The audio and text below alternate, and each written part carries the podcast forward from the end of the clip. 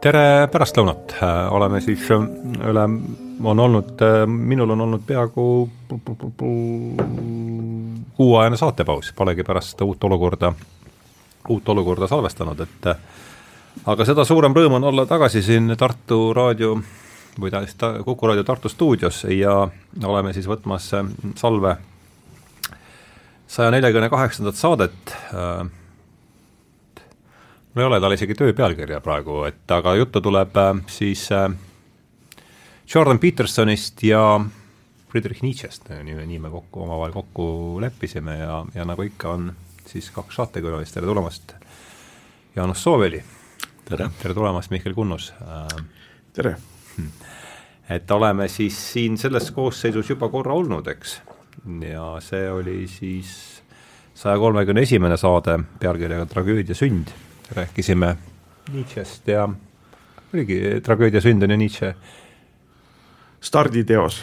esikteos, esikteos, just nimelt, jah, jah.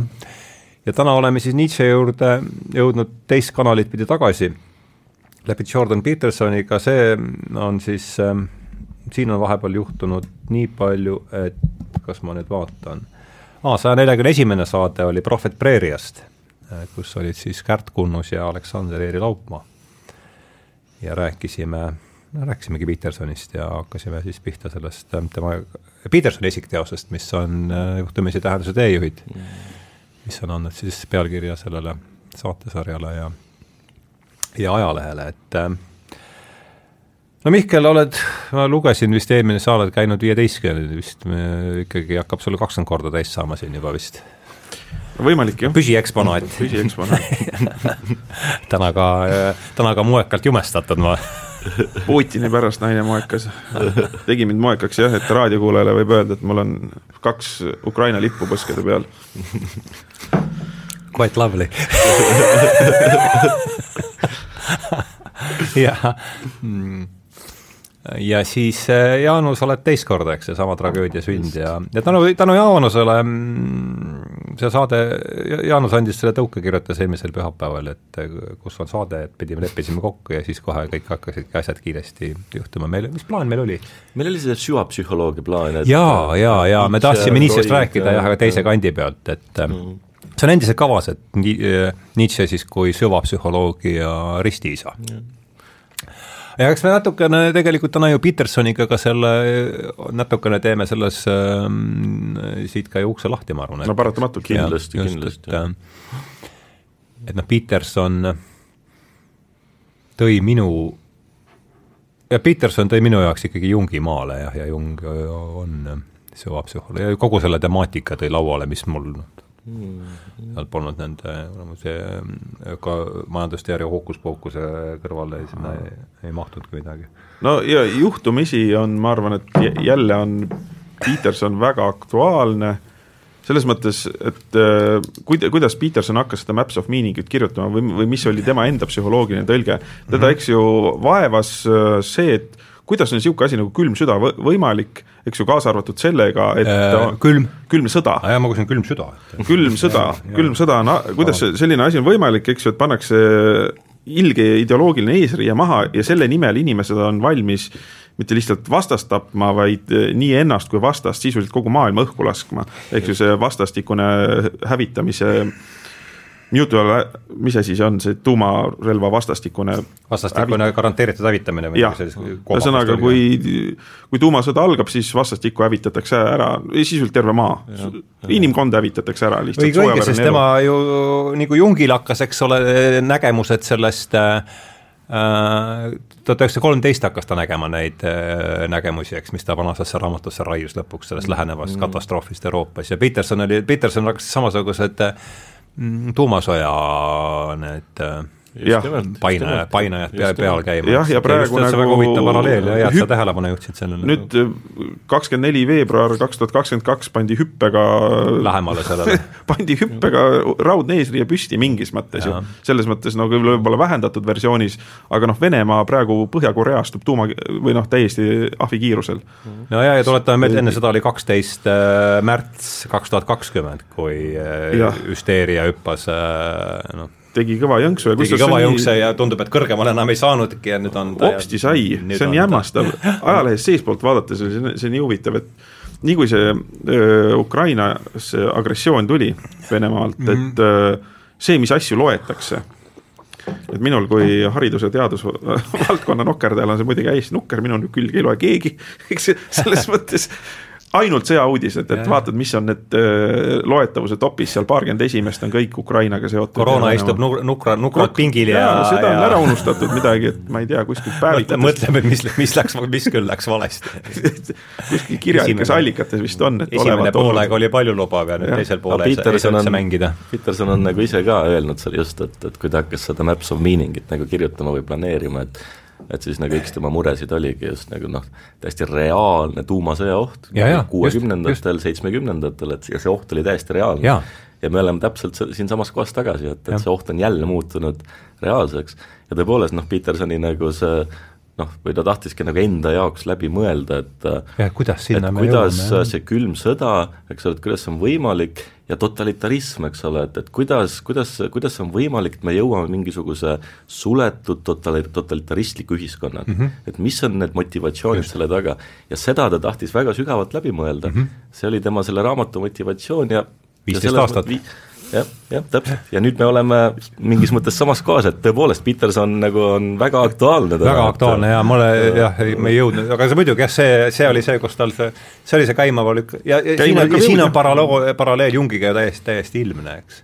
ja, ja no ja kui me, kui me peaksime andma oma kuulajatele kodutöö või ise võtma kodutöö, on siis niimoodi, et see tähendab äh, mediteerida teema üle, et kui ma oleks Venemaal ja siis on aktsioom see, et ma kannaks Z-tähte ja pooldaks äh, agressiooni Ukrainasse. mis no,, mismoodi ma siis mõtleksin? jaa, sest, sest noh, tema ütles, eks ju, et kui sa arvad, et sina ei oleks Natsi-Saksamaal olnud nats, siis sa ei tunne ennast piisavalt, sest fakt on see, et enamus oli ja eks ju no kõige statistiliselt on kõige ilmsem, et tõenäoliselt sa ei ole mingi superkangelane või erandlik inimene mm, -hmm. et enamik normaalseid inimesi ja. olid äh, Saksamaal natsid mm, -hmm. nii nagu praegu on enamik normaalseid inimesi Venemaal äh, noh, Putini, putinistid võib öelda, eks ju, kui me vaatame seal igasuguseid videosid, kuidas need koolilapsed on kõigil Z-id rinnas ja loobivad kätt ja no isegi Eestisse on tulnud, eks ju, neid mõningad Z-tähega autosid ja et noh, et, et kuidas, kuidas see psühholoogiliselt sihuke seestumisprotsess käib mm. -hmm. ja, ja on nagu kõrk arvata, et meid see ei puudutaks mm, -hmm. kui, kui me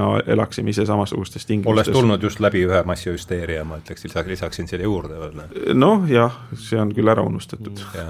aga ta, ta, selle tõus tuli kohe peale. jah, jah jah, aga noh, noh see läheb võib-olla natuke isegi teemast mööda, et noh, et sellisel ma ei tea, totalitaristliku ühiskonna kujunemisel on nagu väga sügavad põhjused ja sellepärast me noh, peamegi sinna tagasi Nietzsche juurde pöörduma ja nii edasi, et mis seal kõik juhtus, et ja, ja kuidas Peterson seda näeb, aga mis puudut-, puutub sellesse, et, et, et kõik äh, ma ei tea, et enamik venelasi on putinistid või et enamik sakslasi no tollal olid, olid, olid natsid, siis noh, ühelt poolt küll selles mõttes, et nagu ideoloogia selline vägi on väga suur ja ta mm -hmm. tõesti nagu, nagu mõjutab hästi paljusid, aga ikkagi mingi normaalne sakslane, eks ole, ta noh, mingis, noh ta kindlasti nagu toetas mingisuguse äh, mingisuguseid äh, natsismi postulaate, aga ta kindlasti ei olnud nats selles mõttes, et et normaalne saksa, sakslane oleks uskunud, et kõik juudid tuleb ära hävitada või midagi sellist, et mm, -hmm. et siin tuleb nagu ettevaatlik olla, et, et et samamoodi noh, kindlasti väga paljud venelased toetavad Putinit, samas ilmselt nad ei toeta seda, et et tapetakse tuhandeid ukrainlasi,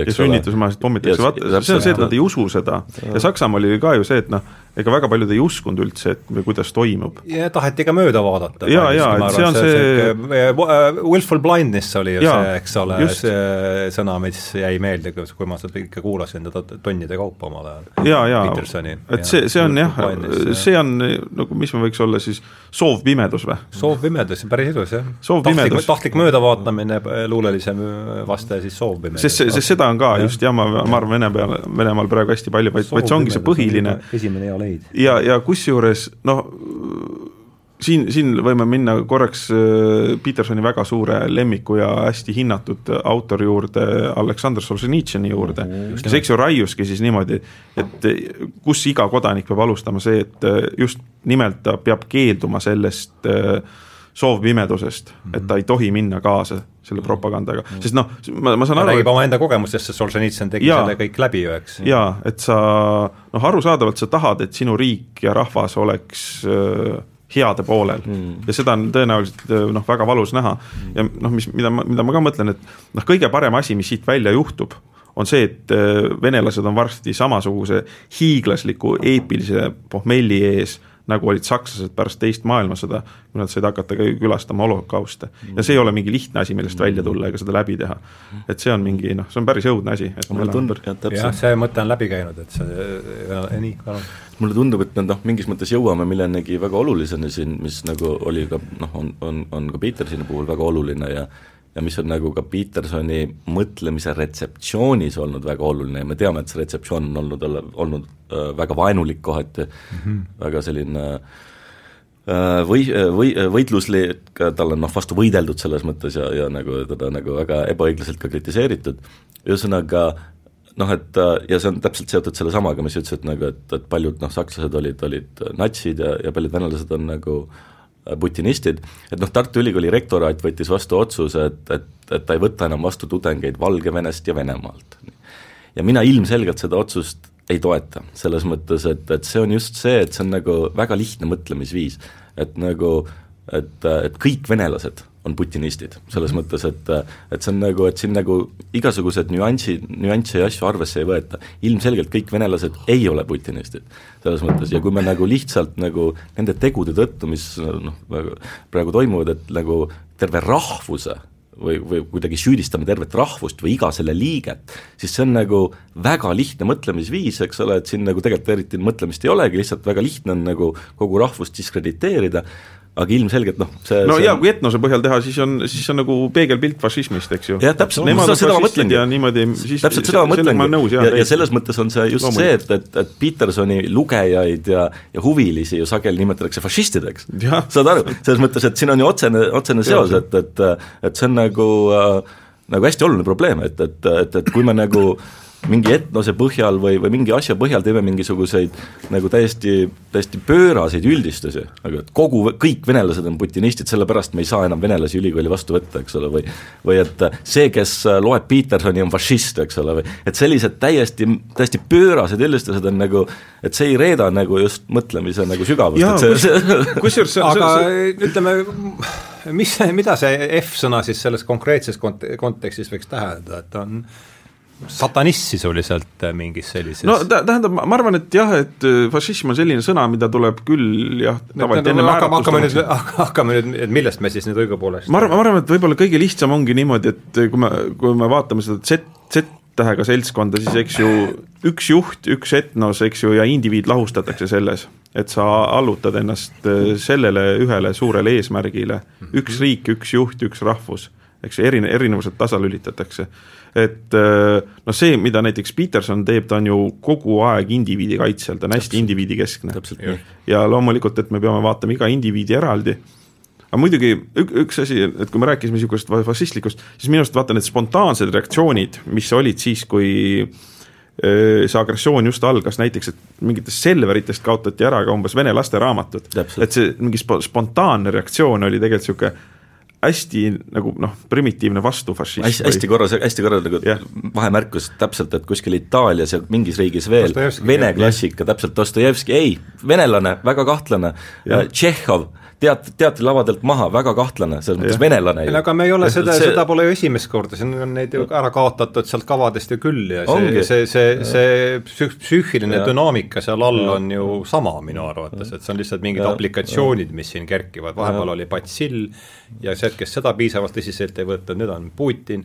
Ja ma arvan, et ega see Putini asi meid ka kaua üleval, noh kui ta nüüd vehkpommidega hakkab vehkima, siis võib-olla ta suudab neid uudiseid seal on eskalatsiooniredeleid jah, näiteks NATO Jah. riigi ründamine ja noh, muidugi la- laes on tu-, tuuma, taktikaline tuumarelv, minu jah. hullud ja keemiarelvad on vahepeal veel ja aga just sellise välistamis- aga sellisel kujul see ei tööda, toida kaua uudiseid, ma arvan, siin tuleb jälle mingi uus, ei vabandust. aga just selliste välistamismehhanismide nagu analüüsile ja, ja nende kritiseerimisel ongi ju suur osa nagu Petersoni mõttest pühendatud, et ta püüab mõista, kust tekivad sellised välistamis äh, mõttefiguurid, eks ole, et miks, miks me mõtleme nagu niimoodi välistamisterminites, et venelane, Dostojevski ka venelane, võtame kirjanduse või kirjandusprogrammist digitaalne programm null üks, null üks, eks.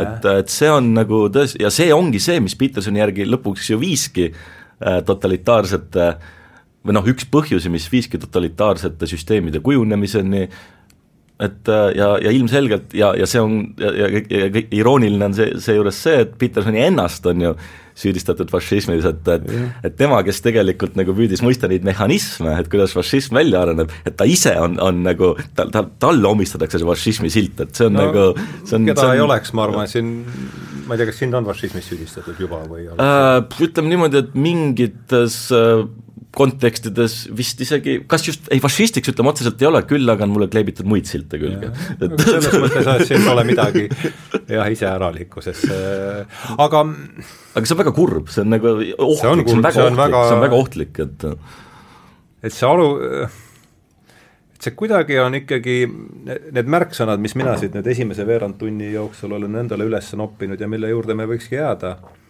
võib-olla kaks totalitarism ja hüsteeria ja, ja, ja, siis Nietzsche ja, Nietzsche ja Peterson, et et võtame, eks, kuidas on omavahel seotud, hüsteeria ja, ja totalitarism teie, teie, ütleme, pakun välja sellise äh, sellise väikse ringi nüüd. vot äh, nojah, hüsteeria on samasugune sõna, eks ju, selle no kes, kes selle noh, kusjuures kes selle nagu nii-öelda laia tarbekaubaks, laia tarbepsühholoogiasse tõi, oli Freud muidugi, eks ju no,, oma hüsteeria, hüsteeria analüüsidega ja noh, seal oli ta seotud, eks ju, nagu etümoloogiliselt ka emakaga, eks ju, siis on see nais, naiste hüsteeriad ja, ja sellised asjad, aga noh, tänapäeval on see ikka rohkem midagi massipsühhoosi laadset või midagi niisugust äre, ärevusseisund või, või, või, või midagi sellist ja noh, niisugune massipsühhoos, jah?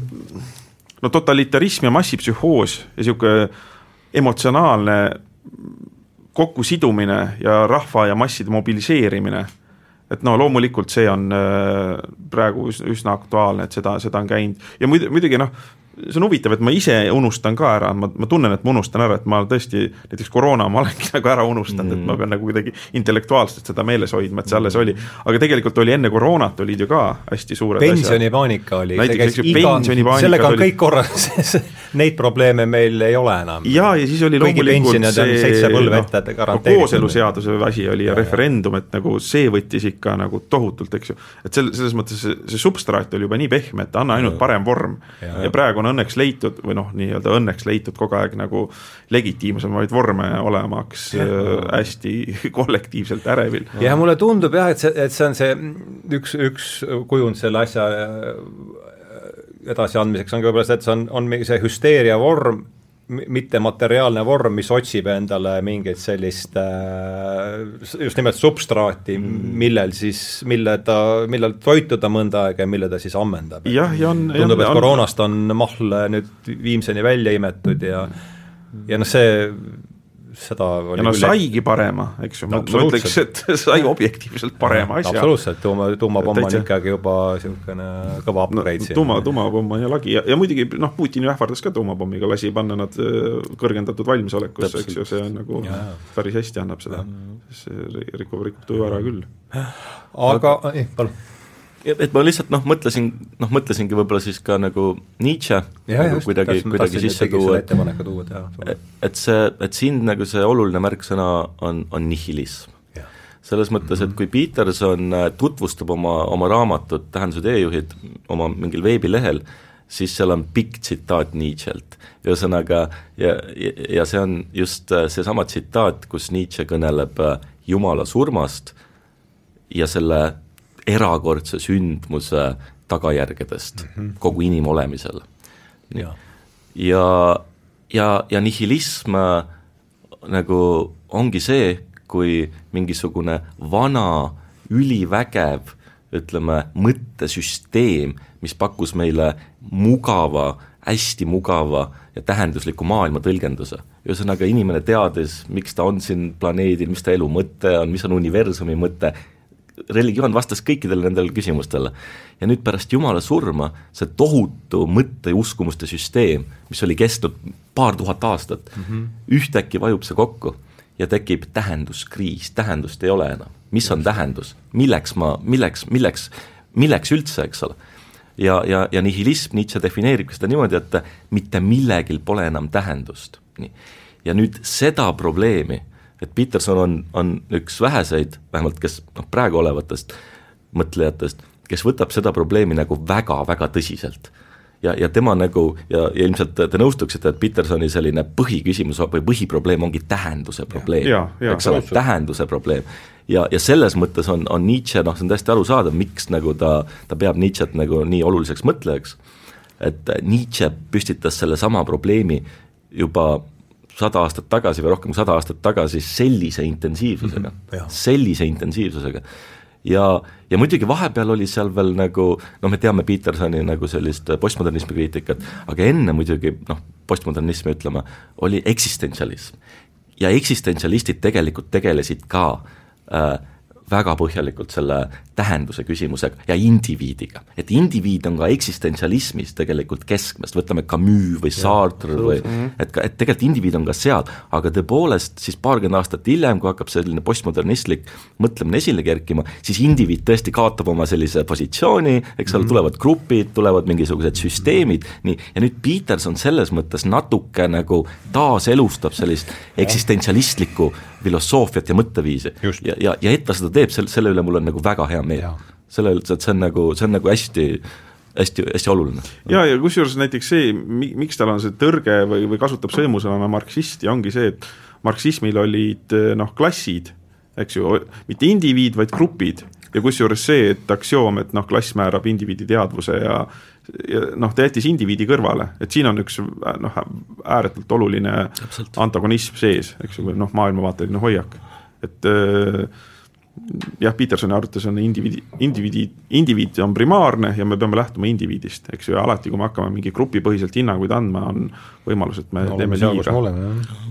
jah, ja, ja, ja noh, nendest kultuurisõdadest ta ütleb ka, et eks ju, ta ei ole ei ühel ega teisel pool, sest noh, häda on selles, et need niisugused vasakpoolsed igasugused vähemus, noh nüüd on nad transõigusteni jõudnud, eks ju, need kipuvad ikka vaatama gruppi äh, Äh, nagu primaarsena indiviidi ees, eks ju, et teevad seal oma hierarhiaid sellest, et milline on rõh rõhutuse aste ja siis, eks ju, need parempoolsed äärmuslased, need võtavad selle mingis mõttes omaks, nad tahavad kes-, kes-, kehtestada vahel mingeid teisi gruppe mm, -hmm. eks ju, aga arvavad ka, et noh, seda või et seda mängu saab võita ja tema arvates on see vale. usk, ta ütleb, et tuleb hüljata üldse see grupipõhine lähenemine ja vaadata indiviidi keskselt nii palju on. et, et selles mõttes et noh, noh, mik-, miks on teda tihti öelda või tema kohta on öeldud alt-right või, või transfoob või midagi sellist, on see, et ta lammutab, lammutab neid vasakaktiviste, eks ju, aga tähele ei panda seda, et tegelikult parempoolsed, paremäärmuslased pole temalt mitte midagi peale vasakute kriitika üle võtta et, et paremradikaalid ei saa temalt midagi konstruktiivset, noh, me võime mhm. küsida, et mida räägib Peterson äh, rahvuslusest, noh, see ei ole üldse relevantne kategooria tal praktiliselt mm et sealt ei, sealt ei saa tuge, temalt saab tuge ainult näiteks vasakpoolsete lammutamiseks.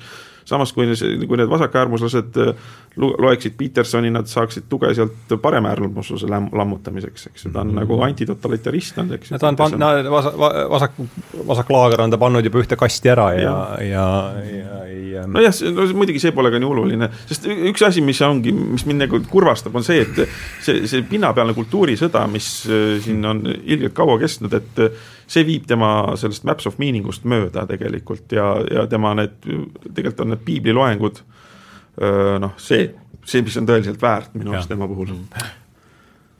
just, just, et et noh, korra veel sinna täpselt, täiesti, täiesti nõus, see indiviid versus mingisugune grupi identiteet ja siit siis see identi-, identiteedipoliitika kriitika, aga just see identiteedipoliitika rajaneb just sellel, see, sellel, sellel lähenemisel, eks, indiviidi vastasel mingil mõttes. just nimelt grupi identiteedil, eks ole, et äh, aga jah, et siis äh, selline, selline nihilism, eks ole, selline tähenduse puudumine, ütleme isegi nagu peapööritus, mida siis Nietzsche kirjeldab seal üheksateistkümnenda sajandi lõpus, nii, ja, ja Nietzsche tõepoolest nagu sa oskaksid eriti mingi teose välja tuua, kus, kus see teema erilise intensiivsusega esile kerkib äh,?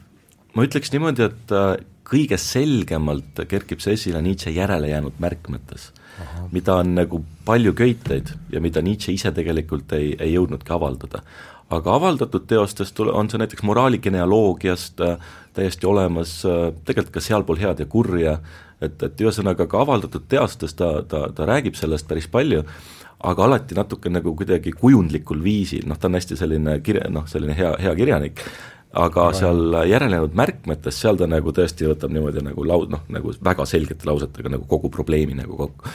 aga neid ta noh, ise niimoodi ei avaldanud, ilmselt ta pidas stilistiliselt neid lihtsalt nagu nagu kehvadeks, et äh, igatahes siis selline nagu peapööritus, mis nagu, mida Nietzsche siis kirjeldab, selline tähend-, see vaakum, eks ole, nii, ja nüüd äh, Peterson äh, näitab, kuidas selline, et, et kui inimesel nagu, kui meil ei ole tähendust, eks ole, või kui me oleme sellises, tõesti sellises tühjas ruumis, eks ole, ja kus nagu, ja meil ei ole nagu mingit suunda, me ei tea, kuhu poole me liigume, mida me teeme, et, et see ongi selline olukord, mis väga kergesti võib viia totalitarismi selles mõttes, ja Nietzsche ise tegelikult näeb seda väga prohvetlikult ette, näiteks sealpool head, heas ja kurjas, seal on väga selge tsitaat, et Nietzsche ise ütleb, kirjutab kuidagi niimoodi, et et see nihilism või see, see, see olukord või see, see, see jumala surm, et, et see, see põhjustab sõdasid, mida pole maa peal kunagi ja, varem nähtud. ja, ja, ja,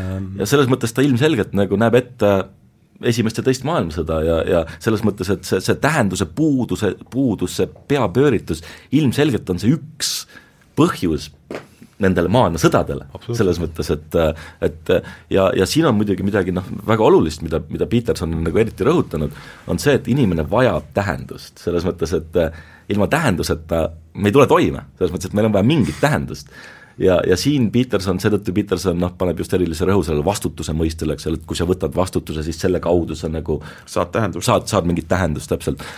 Ja nüüd ja, ja see, ja sellest lähtub ka tema selline kriitika ikkagi väga selgelt postmodernismi aadressil, sest Petersonile tundub, et postmodernistid veel enam hävitavad selle, tahavad igasuguse tähenduse ära hävitada täiesti killustada kõik, eks ole, et mitte midagi ei järgi. et tal on, ta kuskil ütleb väga, väga toredasti, et et noor inimene läheb ülikooli, eks ole, ja tal on võib-olla mingid riismed mingist ja, tähendusest, eks ole, ja millestki hoiab veel kinni. Ja siis pit-, siis ülikool viskab ta keset merd, et saa nüüd ise hakkama, vaba, sa oled vaba, mine nüüd, saa nüüd ise hakkama, et nojah, ega siis, aga siis alt, althõlma äh, tehakse see ära, siis tuleb althõlma ikkagi see, et lähme nüüd ikkagi sellele demonstratsioonile lõpuks, sest et Lõpu... suur osa mm. äh, nii-öelda professoritest ähm, no, on ikkagi, on ikkagi kõvad aktivistid lõpuks. ja, ja sest see noh, sellest ei saa hakka, et noh, ikka need rõhumise hierarhiad tulevad ja siis on vaja lammutada ja noh, ja, ja siis noh, marksism annab jah, või need, need kategooriad äh, annavad jälle tähenduse, eks ju. ja kusjuures siin, siin, on ka näha see, et no see, mida Dostojevskiga noh, väga palju on välja toonud äh, Nietzsche, Nietzsche'le oluline kuju psühholoogia seisukohalt, see, et noh, inimene noh, tahab kannatada mingis hetkes tähenduse nimel. Noh, näiteks see Kolja Krassotkin seal hüüab niimoodi seal raamatu lõpus, eks ju, et ma tahan kannatada kõigi nimel, eks ju, juhul kui see annab tähenduse. ja me võime võtta selle mingi kergema versiooni, eks ju, näiteks loomakaitsjad, kes noh, nad otsivad oma elule tähendust sellega näiteks, et nad aitavad äh, loomi, keda ka väga halvasti koheldakse. eks ju, see on niisugune jeesuslik impulss. Et selle ja selle, niimoodi on ta kritiseerinud ka utilitarismi, eks ju, sest utilitarism ütleb, et seda, et tuleb suunduda selles suunas, et äh, rohkem heaolu maksimaalselt mhm. paljudele, hüvede maksimeerimine näiteks -hmm. või, või midagi niisugust, aga heaolu, aga niisugune noh, meetriline heaolu, ta ei suuda tuvastada tähenduslikkust mm. -hmm. ja see on inimese motivatsioonis olulisem. aga sellele lihtsalt ei pääse ligi. jah tal on mitmeid suurepäraseid lauseid, üks on see, Jaanus on siin tsiteerinud ja, ja, ja Mihkel, aga et see, mis mulle tuleb siin kontekstis meelde, kui tähendus puudub, et siis on alternatiiv on lihtsalt üritada ennast hommikul voodis padjaga lämmatada. Täpselt.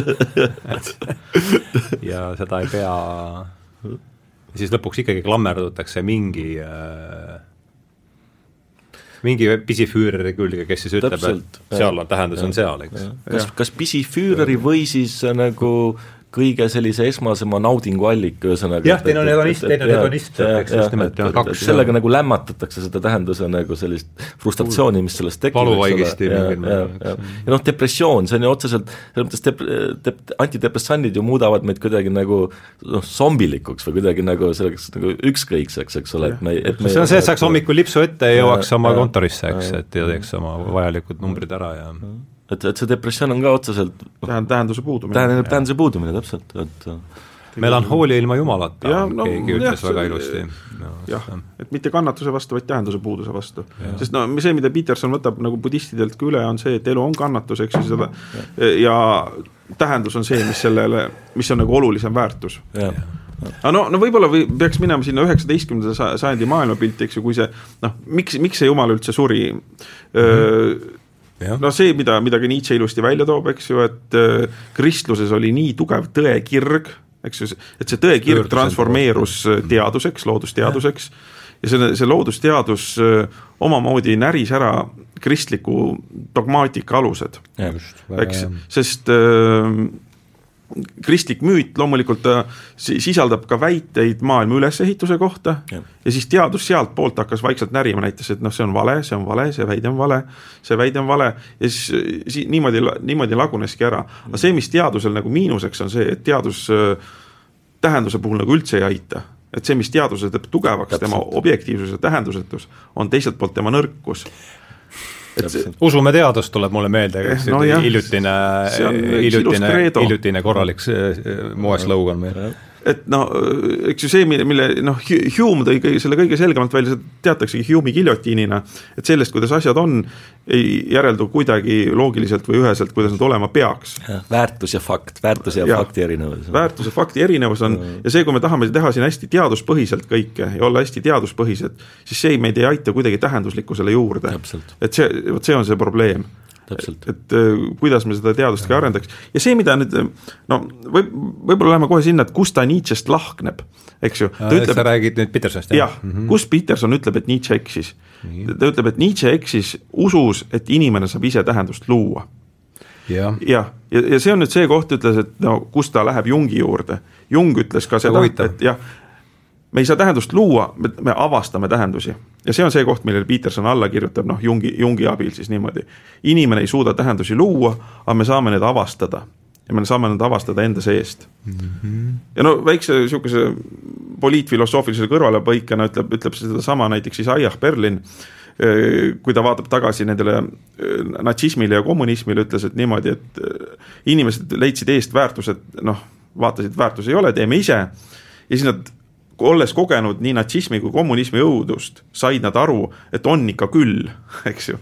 et kui me mingitest asjadest oma tahte ja pingutusega loobume või heroilise tegutsemisega, siis me tagantjärgi märkame, et äh, on ikka küll mingid väärtused. et no praegu ma võiks öelda, et see, see võib tuua sellise kujundiga, et see, mida tegi Stalin ja see, mida tegid Hitler, nad tegid äh, masskaalal Raskolnikovi eks ju.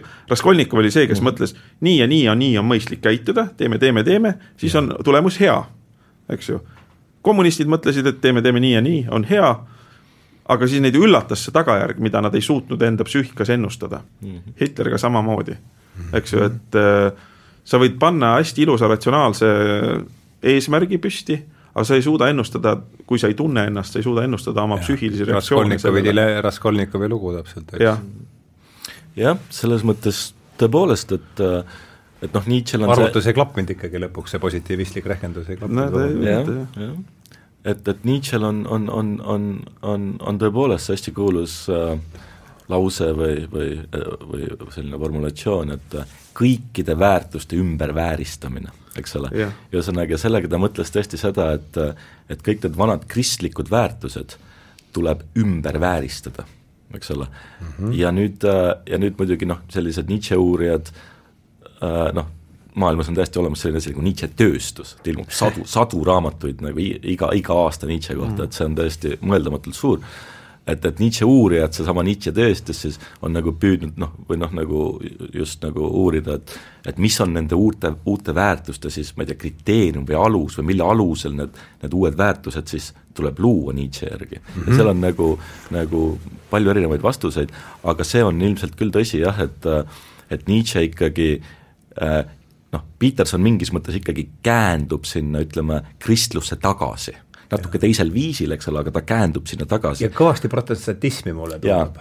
sellest, see käis meil vist läbi juba või käis see Aleksander Eerik oli vist seal, jah. seal pigem jah, ta on ikka, tal on selline kõva protestantistlik, protestantlik vibe on all, eks, ja ja, ja siis ma kuulasin vist pärast seda saadet just mingit Petersoni asja, kus ta räägib, kuidas ta seal oma selles, kus ta seal elas, seal preeri ääre peal tegid katoliiklastega, toimus mingi, loopisid seal üksteist äh, mm. mätaste ja, ja noh, ühesõnaga jah, aga vabandust, jah, täiesti ja, ja. sages on see mõtet, aga et... ja ei, üldse mitte, et täpselt nii, et tõepoolest tahtsin lisada selle juurde. jaa, absoluutselt, et Peterson nagu tõesti käändub nagu sinna kristlusse ikkagi tagasi ja ja, ja mitte ainult kristlusse, vaid nagu ka mütoloogiasse, eks ole, ja püüab tõesti avastada nagu sealt neid mingisuguseid väärtusi Nüüd aga nii... mitte kirikukristlasena? ei, ei mitte kiriku, teistmoodi täpselt, just nimelt, et, et ta, et ta ei, sugugi ei käändu tagasi mingisugusesse sellisesse mugavasse kirikukristlusse. mida Nietzsche eriti, selleks on ta liiga palju Nietzsche, Nietzschean. täpselt, täpselt, et see, et see, et Peterson on selles mõttes mm -hmm. ikkagi nagu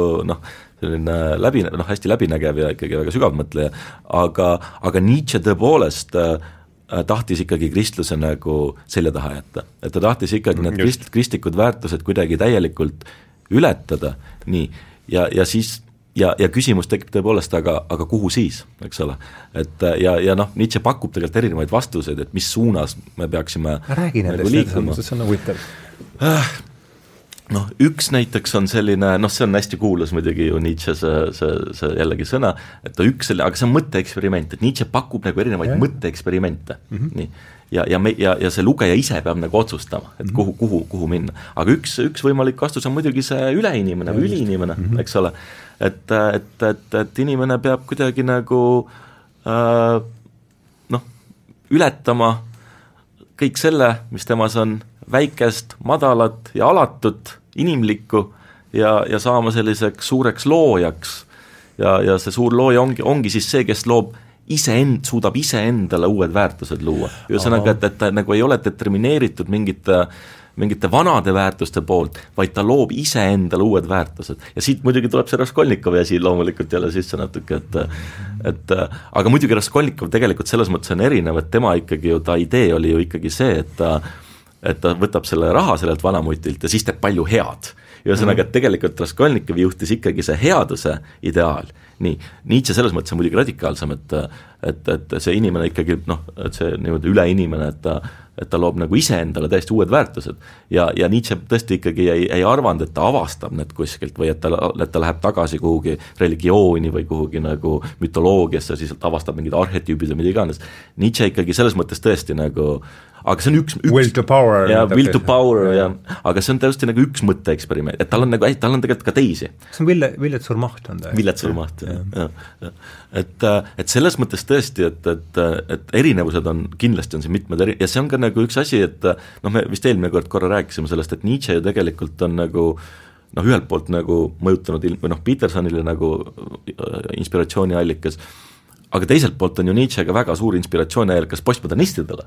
selles mõttes, et, et kõik Derridaad, Foucault ja Deleuze'id, et autor, keda nad kõige enam tsiteerivad ja kellele viitavad, on Nietzsche ise, selles mõttes. see on, see, see on ikka see väärtuste küsimus, eks siis tõenäoliselt. no tema, tema relativiseeris neid, eks ju. tema relativiseeris, täpselt, täpselt. ahaa, ja õige küll, jah, seda rõhutab. no Nietzsche'l on ju see hästi kuulus, et ei ole olemas fakte, on ainult tõlgendused mm, -hmm. eks ole et, et fakt ei ole ainult tõlgendused ja see muidugi loomulikult meeldis väga postmodernistidele, ühesõnaga nii, et, et et, et postmodernist, Nietzsche on tõesti autor, kellele tegelikult postmodernistlikud mõtlejad Foucault, Deleuze, Derrida viitavad kõige enam tegelikult. Mm, -hmm. nii et, et ja siin muidugi on hästi ja sellega hästi, ka, sellega ka Peterson ei nõustu täiesti, eks ole. muidugi ei nõustu, muidugi ei nõustu, et loomulikult mitte, ei Peterson üldsegi ei arva, et et noh, et, et kõik on nagu äh, täiesti, et kõik, kõike saab täiesti suvaliselt tõlgendada. aga tegelikult, kui noh, Nietzsche't niimoodi lähedalt vaadata, ega tema seda ka ei arva. ja noh, päris niimoodi ei arva võib-olla ka need äh, postmodernistid tegelikult, aga aga jah, aga igal juhul me näeme jah, sellist, sellist nagu mitmuslikkust Nietzsche's eks ole, et, et, et, et, et teda on võimalik nagu mõtelda, ta on hästi paljune. hästi paljune, täpselt, et ta ei paku sulle lahendusi, ta pakub tõesti nagu võimalusi mõelda erinevates suundades ja, ja sellepärast ta noh, ongi nii, nii nii inspireeriv, Tolstoi ütles tema Nietzsche kohta äh, väga huvitavalt, eks eriti kui ta kuulis, et ta on vastuoluline, vastuoluline järelikult siiras ja, ja, ja, ja ah, päris hea, väga hea. ja kus, kusjuures noh, Nietzsche oligi siiras, eks ju, ta ei olnud mingi vigurvänt, et Nietzsche kirjutas ikka täiesti verega. ja see, see muidugi ühendab teda Petersoniga. ja kust, kust tuleb see vägi taha. see on väga hea lause, vastuoluline mingi... järelikult siiras. jah et Sest elu on ju vastuoluline, kui me ja, nagu ja. mõtleme elu nagu noh, ei mahu mudelisse kuidagi. ei mahu mudelisse. jah, ja, ja noh, see, no seda ta toob ka nagu Peterson hästi välja, et noh, see ongi probleem, et me ise oleme hästi paljused juba, et kui me vaatame enda sisse, et meil on väga palju erinevaid motivatsioone, need on omavahel konfliktis, noh eriti ju, kui me toome sisse ajamõõtme, eks ju, mingid asjad on niisugused vahetud impulsid, mis meile annavad vahetut rahuldust, siis on mingid keskpika ajaga pikaajalised ja nii edasi, et noh, ta toob näite seksuaalsusega, eks ju, võib-olla impulsiivselt me tahaks võimalikult paljudega magada, samas me anname, mõistus annab meile aru, et noh, kui me tahame stabiilset perekonda, et siis on hea need vahetud impulsid kuidagi ära kärpida mm, -hmm. kui me tahame veel pikama perspektiivi panna, mida ta muuseas teeb oma psühholoogilises praktikas hästi palju ja tema see self-authoring programm mm, -hmm. eks ju, et ongi seal ta ütleb hästi, et kus sa tahad umbes viie aasta pärast olla mm. -hmm. nüüd vaata, et mis asjadele sa järgi annad, kus sa siis tõenäoliselt viie aasta pärast oled mm. -hmm. kui sa jätkad samamoodi, nagu sa praegu teed, kus sa siis viie aasta pärast oled, noh, et ta toob kogu aeg seda ajaperspektiivi sisse, et inimene vaataks ennast nagu oma elukaare jooksul mm, -hmm. eks ju, et kuhu, milli-, milliseks sa tahad oma elukaart kujundada kujundada ja kui palju sa pead ennast muutma siis. tead, mulle üks lause tuleb meelde, mis ta just rääkis seal, et, et sea endale ees, vot just joonistas välja, et kui, kui niimoodi jätkad, mis siis viie aasta pärast saab ja kui niimoodi jätkad, et mis siis viie aasta mm. pärast saab, et see, see lause oli see, et et rott, kes jookseb ära, rott, kes jookseb kassi eest ära juustu poole, on väga motiveeritud rott et ta, ta, ta jah, ta, ta on ikka keeleliselt on väga väga artikuleeritud on väga artik-. see, see, teeb tema jah, ka huvitavaks.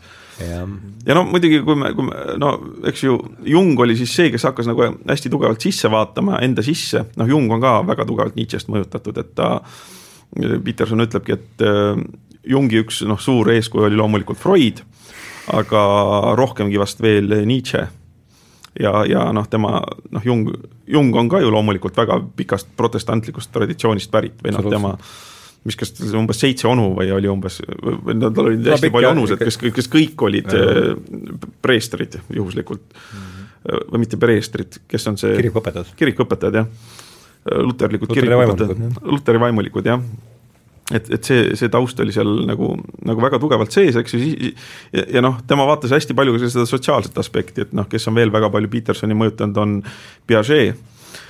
Piaget, kes noh, minu arust väga geniaalselt, noh, kui me vaatame, kust hakkab väärtus, et hakkas vaatama, kuidas lapsed kujundavad väärtusi mm, -hmm. et lapsed omaette, eks ju mm, -hmm. lasta nad karjas kokku, et nad jumala ruttu hakkavad tegema mängu eks ju, kehtestavad ise reeglid ja kusjuures see on, reegel on alati ju piirangute süsteem, see tähendab, et juba lapsed ise, noh, sealt tuleb see sotsiaalne mõõde, kuidas lapsed hakkavad looma reegleid mm, -hmm. reegleid ja reeglite hierarhiaid, eks ju, ja mis, mis tingimustel on ja kes siis reegleid rikub, eks ju, sellega enam kuidagi ei mängita ja noh, sanktsioneeritakse.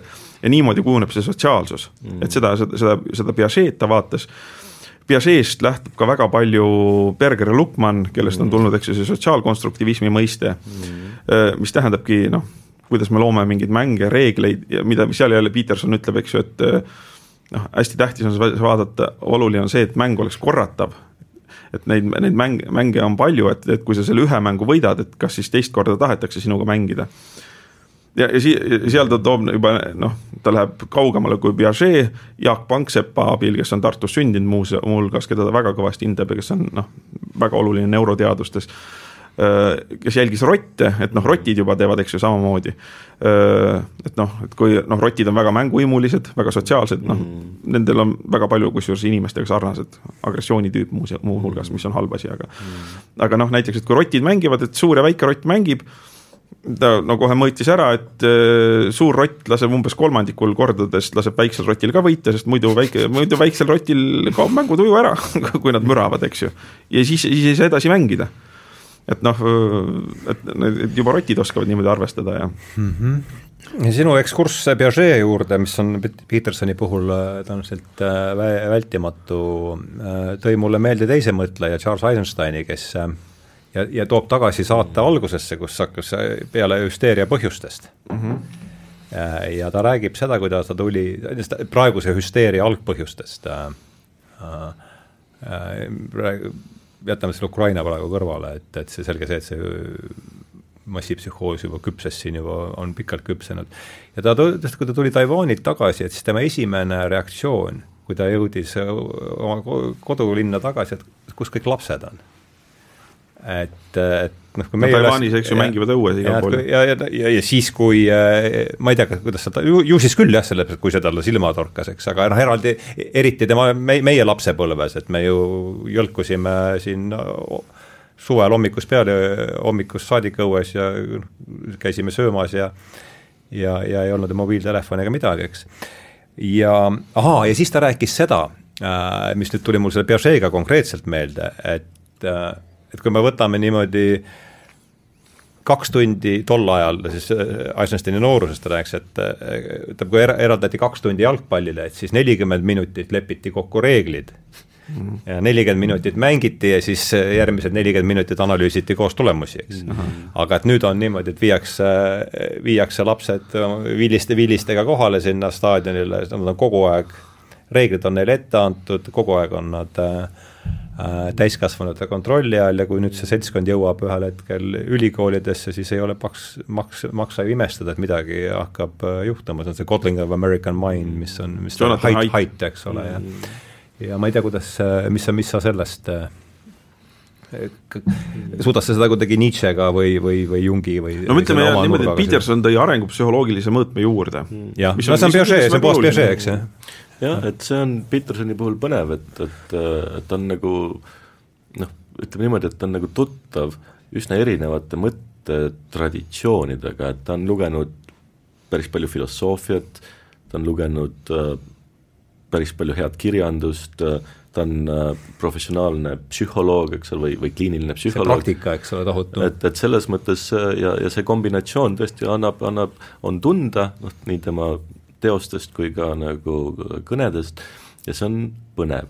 nüüd äh, võib-olla üks nagu hästi oluline mõiste veel, mis, äh, äh, mis ühendab või seob ja mi-, mille ta tegelikult ongi võtnud Nietzsche't üle, noh lihtsalt ongi võtnud üle, on ja muidugi, mis on, mida on ka teised mõtlejad nagu hästi palju mitte nii palju, Peterson, aga, aga siiski noh, võrdlemisi palju nagu analüüsinud, on ressantimaa, see, mida Nietzsche nimetab ressantimaaks salavimm ah,. salavimm, salavimm, salavimm, aga jah. seda on tõlgitud eesti keelde ka neima vaimuks see on lõhnab Aaviku järgi natukene. äkki, äkki te Neim on Aaviku. ongi vist jah, siis on jah, jah, jah. ju siis on Aavikult. ju siis on Aavikult võetud, aga, aga nüüd vist selles moraaligeneoloogias, ma vist ise tõlkisin ka selle salavimmaks, ma arvan mm. -hmm. aga Nietzsche huvitaval kombel kasutab ainult seda prantsuskeelset sõna ressentiment et noh, inglise keeles on resentment, Peterson kasutab resentment'it mm. -hmm. Ja. see on nüüd üks hästi oluline mõiste ka, mida, mida, mida, mida, mida Peterson on, mille Peterson on Nietzsche'lt nagu üle võtnud. kas see Neima vaim oli see teine? Neima vaim oli üks jah, et see, ma ei mäleta jah, mingis vanas tõlkes oli, oli, oli, oli Neima vaim mm, -hmm aga salavimm, ma arvan, on, on päris mm, -hmm. päris, päris hea. jaa, ja kusjuures see on, see on ju nii oluline psühholoogiline realiteet, aga seda nagu käsitletakse seesama salavimm, jah? jaa, jaa ja., et see on väga oluline psühholoogiline realiteet, aga sellest noh, sellest räägitakse üldiselt kuidagi vähe või minnakse mööda, eks ju. ja, ja, ja, ja mis noh, mis, mis on ka noh, mille puhul mind näiteks, miks mulle nagu õiguslased närvidele käivad, eks ju, õiguslane ei ole niisugune meeldiv sõna, aga ma nimelt kasutan seda, on see, et noh, õig-, õiguslased ja need sõssid Sõss., sõssid, eks ju, sotsiaalse õigluse sõdalased, need mõtlevad tihti see, et kui õiglus saabub, et siis saabub rahu. aga, aga see, selle eelduseks on ainult see, et äh, inimesed, kes sellesse usuvad, on parajad noh, nartsissismid selles mõttes, et noh aga mis siis, kui sa oledki seda väärt, seda närust positsiooni, et sinust sees endas ei olegi midagi. ja, ja et noh, tihti on see, et äh, kui inimene on ohvri positsioonil, eks ju, et ta arvab, et see annab talle kompetentsuse ise mm, -hmm. eks ju, või et see on, see on ju päris nagu sihuke õudne ja destruktiivne kuidagi, kuidagi arusaam. et äh, noh, et kui sa oled ohvri positsioonil, siis on sul justkui õigus öelda seda, seda, seda, mis tuleks teha, kuidas ühiskond ümber korraldada. aga asi on selles, et iseenesest see, et sul on kehvasti läinud ja võib-olla tõepoolest on sinuga ebaõiglaselt käitutud, et see iseenesest ei anna sulle mingit kompetentsi ja, ja noh, üks näide, ma olen vahel nagu õpilastega nalja poolest teinud seda asja, küsin niimoodi, et kas tahate, ma hindan teid nüüd õiglaselt või, eks ju.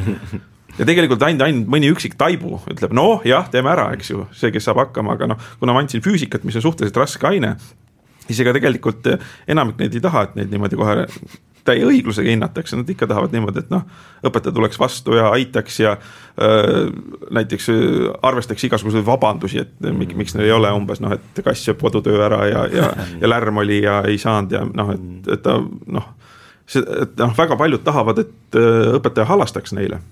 Hmm. aga mis see on inimlikult noh, täiesti arusaadav ja no Kristuse keskes oli ka halastus, sellepärast et, et nad sa-, nad said aru, et inimene võib-olla ei väärigi midagi paremat mm., kui, kui me lähtume õiglusest mm.. ja sellepärast mulle näiteks jälle üks väga suur äh, Nietzsche õpilane, keda Toomas Mann, Toomas Mann lausa Nietzsche hüääniks sõimas, äh, Oswald Spengler, eks ju. Äh, Mann nimetas seda Nietzsche hüääniks, jah. et selle, selle kohta ütleb ka, et eks ju, Toomas Mann, kes oli muidu väga vaoshoitud, oli see, et ähm, et noh, miks ta sõimas Joaniks, sest ta sai aru, et noh, Spengleril on õigus väga suuresti, aga tal olid argumendid otsas. aga talle ei meeldinud see, et see Spengler nagu rõõmustas selle asjade käekäigu üle mm, õhtumaa allakäigu üle, et või et ta ei tundnud piisavalt kaasa. Toomas Mann tajus, et Spengleril on õigus, aga tema leidis, et selle üle on kohane kurvastada mm. või võib nii kokku öelda, aga mi, mida ta ütleb ka Peterson äh, Nietzsche kohta, et ta ütles, et jumal on surnud, aga ta ei rõõmustanud, ei rõõmustanud selle, jah, jah, et see on nagu korrektne. traagika. traagika, jah, ei. aga, aga rää-, või noh, püüame siis küsida või uurida, et või, või et mis see, mis see salavimm siis on? või mis see ressentimaa on, et et kuidas, kuidas sina seda mõistad või defineeriksid või? No ma psüühiline realiteet on ta üks. ta on jah, ma ütleks kindlasti, et ta on psühholoogiline realiteet, eks ju, ta on seotud kuidagi kadedusega ja ka ebaõigluse tajuga. ja noh, näiteks niisugune eupsühholoog nagu noh, hea psühholoogia rajaja nagu Maslow, keda ka Peterson suhteliselt kõrgelt hindab, eks ju, Maslow ütleb ka hoiatus, et kui me kaotame igasuguse sotsiaalse ebaõigluse et eks ju, mida see, siis, siis selle tagajärjeks, mida ka Peterson kogu aeg välja toob, et selle tagajärjeks on see, et looduslik ebaõiglus kerkib esile. ja Maslow ütleb siis, aga mida see teeb selle inimese eneseväärikusega. ehk siis, kui sa saad aru, et sa oled looduse poolt halvasti koheldud ja vot sealt tekib see vimm, sealt tekib see vimm et näiteks idioodis on see Hippolyti kuju mm, -hmm. eks ju, kes on noorelt ja. suremas ja, ja kui sa, kui sa oled väike näiteks, härra Friedemann tuleb ka kohe jaa, eks ju, ja Toomas Manni novell Väike härra Friedemann äh, seda või, seda võib noh, võib-olla on hea näidata, tähendab, väike härra Friedemann, kes ta oli, ta oli tõepoolest, ta oli ämma emand oli ta vist laualt ja. beebina oli ta maha pillanud ja sellepärast ta jäi küürakaks ja ta ei kasvanud eriti. see üks kuulus maalikunstnik Toulouse-Lautrec oli tema äh, prototüüp, eks ju, see noh, see on, tähendab, see on inimene, keda, keda mingis mõttes loodus on ebaõiglaselt kohelnud, kellel on tõesti ebaõnn, eks ju. ja siis, kuidas selline inimene kohaneb siin maailmas, et ta ei muutuks vimmaseks teiste peale et ei hakkaks kätte maksma selle eest, et teda on ebaõiglaselt koheldud mm. -hmm. ja noh, mingis mõttes, kui me lähme eksistentsialistlikust, siis iga inimene saab alati näidata, et eks ju, et, et mingid inimesed on temast paremasse situatsiooni sattunud hoopis temast sõltumatutel oludel. et igaüks saaks selle endale välja keerata, genereerida, et äh, eksistentsialistlik lähtepositsioon, Heideggeri Geworgenheit on vist heidetus. ja eks ju, et noh, miks, miks ma sünnin just nüüd, mitte mujal? Eks ju, noh, ma enda puhul, miks ma sündisin just kaheksakümne teise, jah, kaheksakümne teisel aastal et no me võime öelda, et noh, võitjate põlvkonda me kuulnud, kuulunud, eks ju, et, et need inimesed, kes olid äh, natukene varem minust sündinud, need said väga hea positsiooni majanduslikult paremale järjele jõuda, kui toimus Nõukogude Liidu lagunemine, eks ju, see võitjate see põlvkond. minu põlvkond siis jah, paljuski. näiteks, et äh, ma ma ma võiks hakata nende peal vimma pidama, nemad said ebaõiglaselt parema positsiooni. samas ma võin võtta ka geograafilise piirkonna, et noh, ma võtaks võimalikult objektiivsed ja neutraalsed. et võib-olla, kui ma oleks sündinud kuskil Äh, Soomes või Rootsis või mingis heaolumaas, just täna tuli uudis, et Soome on viiendat aastat järjest kõige õnnelikumaks maaks valitud, eks ju, et kui ma oleks sündinud Soomes, ma ei tea, kuskil palju rikkamate vanemate juures või mida iganes. kelle andmetel? whatever, eks ju, aga no see on jah, omaette anekdoot, aga, aga see, see tähendab põhimõtteliselt, et vimmaks on alati põhjust. alati, ma saan alati leida inimesed, kes öelda, et nad, nemad on endast mitte sõltumata põhjustel palju paremas positsioonis. ja mina olen halvemas positsioonis ja see tähendab, et ma olen nende peale hakkan kandma vimma no vimm on tänulikkuse vastand, tundub mulle. jaa, see on päris selle..., päris, päris täpne jah, ta on tänulikkuse vastand. jah, ma, et tõepoolest, et äh, et noh, noh vaat, no et, et vimm siis või noh, salavimm tõesti, see ja. sala on ka nagu oluline, see on oluline jah. et just, just. seda nagu püütakse ja. varjata või maskeerida. see andis päris olulise nurgamaa. et seda püütakse varjata või maskeerida millekski muuks. tihti jah, õilsamaks. et seda püütakse maskeerida lilleks, kuigi ta tegelikult ei lõhna üldse nagu lill, eks ole, või noh, Nietzsche'l on, Nietzsche'l on mingi selline mingi selline süm-, metafoor. aga ta kasutab seda, see on, see on Nietzsche sümbol, jah? või äh, metafoor või? jah, tal on kuskil selline metafoor jah, et, et seda noh, püütakse nagu maskeerida millekski hästi lõhnavaks, aga tegelikult noh, see ei lõhna üldsegi nagu lill äh,. Igatahes äh, tõepoolest, et see on siis nagu kindlasti nagu kadedus, eks ole, või sellega on kindlasti seotud nagu kadedus no, otseselt ja ohvrimeelsus, selles mõttes tunne tõepoolest, et või ettekujutus, et ma olen alati ohver, eks ole ja kõik teevad mulle liiga. nii, äh, ja, ja Nietzsche kasutab seda sõna nagu noh, just moraali genealoogias nagu väga palju, see on eesti keeles ka ilmunud, see raamat. ja, ja ta kasutab seda ohvrimeelsus, mis see teine sõna oli, ma panin äh,? ohvrimeelsus, et kõik teevad talle liiga ja midagi oli veel, läks mul kadedus. kadedus, kadedus, jah, kadedus. Äh, ja Nietzsche kasutab seda nagu just moraali genealoogias hästi palju just selles esimeses traktaadis, raamat jaguneb nagu kolmeks traktaadiks. ja seal ta räägib sellest selles kontekstis, mida ta nimetab orjade ülestõusuks moraalis. orjade ülestõus moraalis. ühesõnaga, Nietzsche küsib, et äh, kuidas on see võimalik äh, ja siin on noh, see siin nagu väljendub tema selline kristluse kriitika siin tuleb tema kristluse kriitika nagu kõige vägevamalt esile, et äh, kuidas on võimalik, et äh, sellised väärtused nagu äh, ma ei tea äh,, selline täielik enese talitsemine, isegi askee, askees, eks ole, enese piitsutamine isegi mingites noh, radikaalsetes kristluse vormides ja tegelikult algkristluses igal pool. flagellallism või mis ta on? Vae-, vaesuse ja, vaesuse ja andetuse nagu ülistamine, nagu äh, selline täielik selline alandlikkus, alandlikkus on siin hästi oluline sõna et noh, kristlik alandlikkus, me ju teame, mida see mm -hmm. noh, tähendab, eks ole.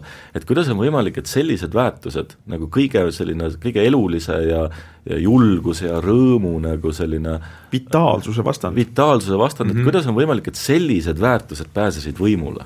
eks ole, kuidas see võimalik on? et, et sellised väärtused nagu pääsesid domineerima. ja Nietzsche siis äh, nagu analüüsib seda, et kuidas see võimalik on, ja siis ta nimetabki seda nagu orjade ülestõusuks moraalis. ja, ja, ja kuidas see orjade üle, ülestõus võimalikuks sai äh,, põhinebki sellel samal ressantimaal. ühesõnaga, kui me võtame mingisuguse Vana-Kreeka aristokraatia, siis seal olid mingis mõttes nagu vastandlikud väärtused äh, ikkagi, et aristokraat nagu jaotas iseennast, jaotas oma, oma loomingut, eks ole, ei, sugugi ei olnud alandlik, julge oli, eks ole, mitte, eks ole, noh selline nagu noh, Nietzsche järgi. sest ennastjaatav, julge, sõbralik, ka võitluslik, võistluslik, ka võis-, võistluslik, eks ole, sama, sama asi jällegi, mis kristluses nagu kaob täiesti ära, eks ole, nii, ja nüüd ühesõnaga, ja siis Nietzsche küsib, et kuidas see võimalik on, et, et toimus selline väärtuste ümberpöör-, pöördumine, eks ole. et, et kristluses järsku pääsesid võidule mingid hoopis teised väärtused ja siis Nietzsche nagu näitabki, et, et, et, et et see toimus nagu salavimma nagu äh, võidutsemise kaudu mm -hmm., ühesõnaga, et äh, mm -hmm. jah, ja, ja, ja noh, ma võiksin sellest veel pikalt rääkida, aga ma arvan, et see point vist on enam-vähem selge, et, et ja, ja. ja üks, üks hea näide, mis on nagu vi-, vimma vastandist, on kusjuures Aljoša Karamazov mm. -hmm. tema kohta ühe, ühes kohas väga hästi iseloomustavalt öeldakse, et Aljošale tundus, et keegi ei suuda teda solvata. jaa, et mitte keegi ei suuda teda solvata ja, ja see, et eh, et teda ei ole, teda ei ole kunagi ebaõiglaselt koheldud, eks ju, ja, ja et see, see asi ei tulnud talle nagu isegi pähegi mm. -hmm.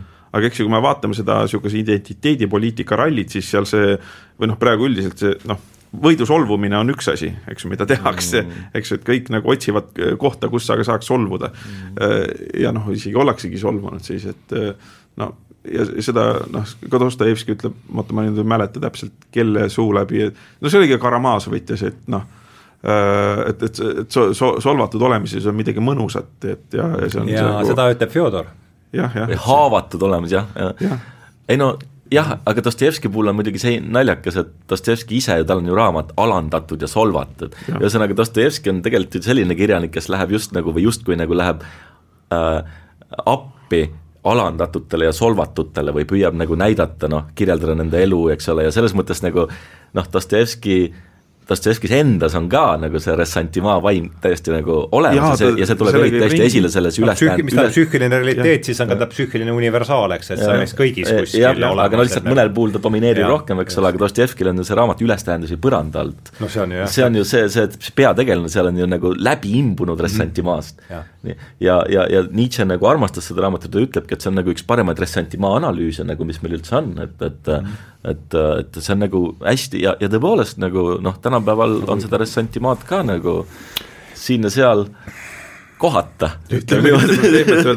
aga kodule lähemale tulles, saja neljakümne kuuendas vestluses äh, rääkisime Toomas Augi ja Marje Vainoga, mm, sest Tammsaare ma armastasin sakslasest, et mm, -hmm. et seal tuli see Oscari kujuga, tuli, viskas mulle ka korraks niimoodi äh, puhtalt sellise, ma ei tea, assotsiatsiooni on, pealt viskas jaa. selle, selle, mis, mäletage ah, selle, kes see, kes see peategelane oli? selles mõttes, et äh, Oscari puhul oli see, et eks ju noh ta tundis alaväärsust, loom-, ala, alaväärsust sakslase ja sakslaste ees, eks.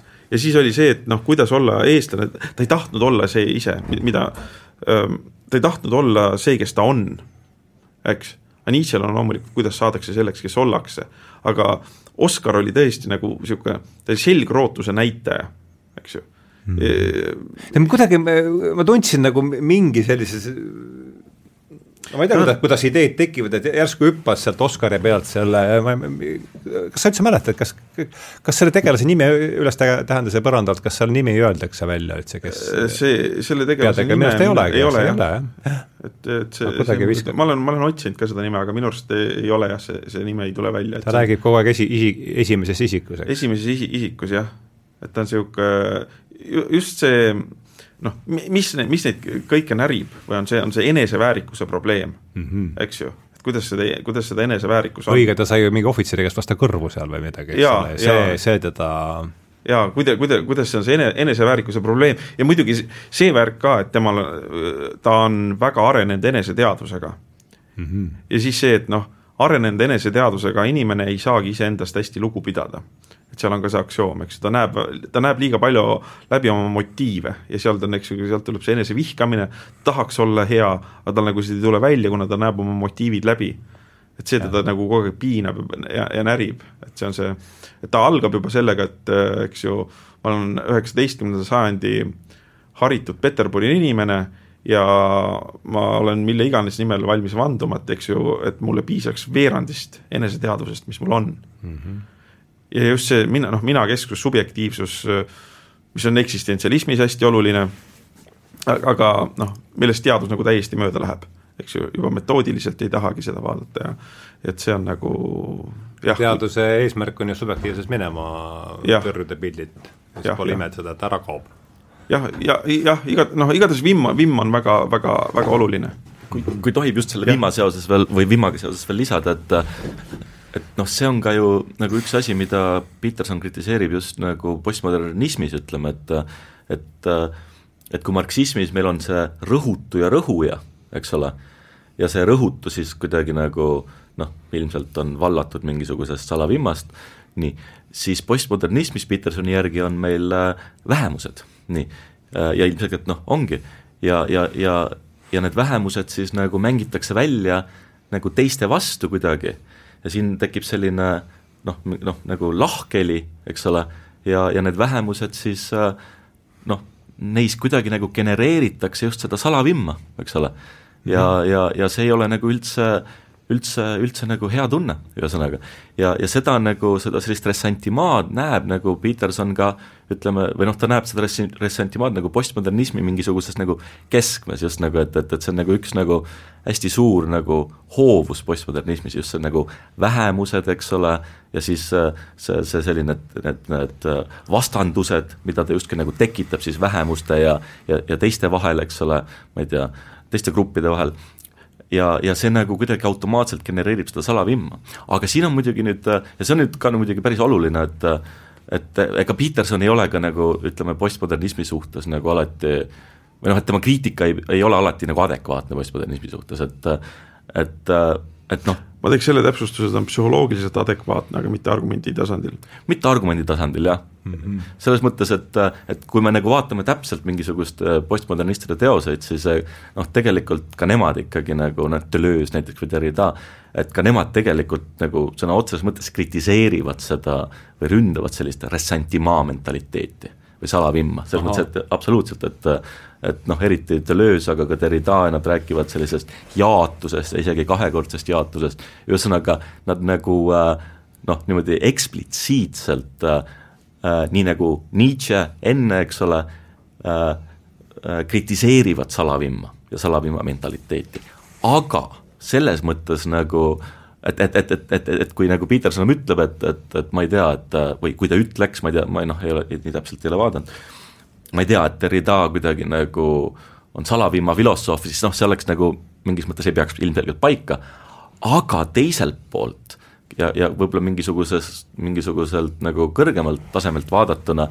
on, võib Petersonil olla küll õigus, et et selline postmodernistlik mõtlemine nagu võib-olla tahtmatagi seda või kuidagi nagu ikkagi nagu genereer-, genereerib kuidagi seda või, või, või loob kuidagi seda, seda salavimma äh, mentaliteeti niivõrd, kuivõrd ta nagu tekitab mingisuguseid vastandusi, see, see, seesama identiteedipoliitika, eks ole, et kuidas nagu nagu erinevad grupid on üksteise vastu välja mängitud ja, ja siis on seal mingisugused noh, ja siis seda noh, ja, ja mingid võimu, võimuvõitlused, eks ole, erinevate gruppide vahel ja see kõik tekitab salavimma. ja, ja sinna mingis mõttes võib-olla see selline postmodernistlik filosoofia osaliselt võib, viib välja küll aga nagu otsesõnu ikkagi postmodernistid ilmselgelt ei kaitse kuidagi salavimma, vastupidi, nad kritiseerivad seda ka. kas, kas sul ei ole tunnet, et ma olen nagu ise kuidagi täheldanud, et et Foucault küll gene-, noh, et ta mõjub salavimma tekitavalt, et Foucault jüngrid kipuvad olema üsna vimmas et, et nagu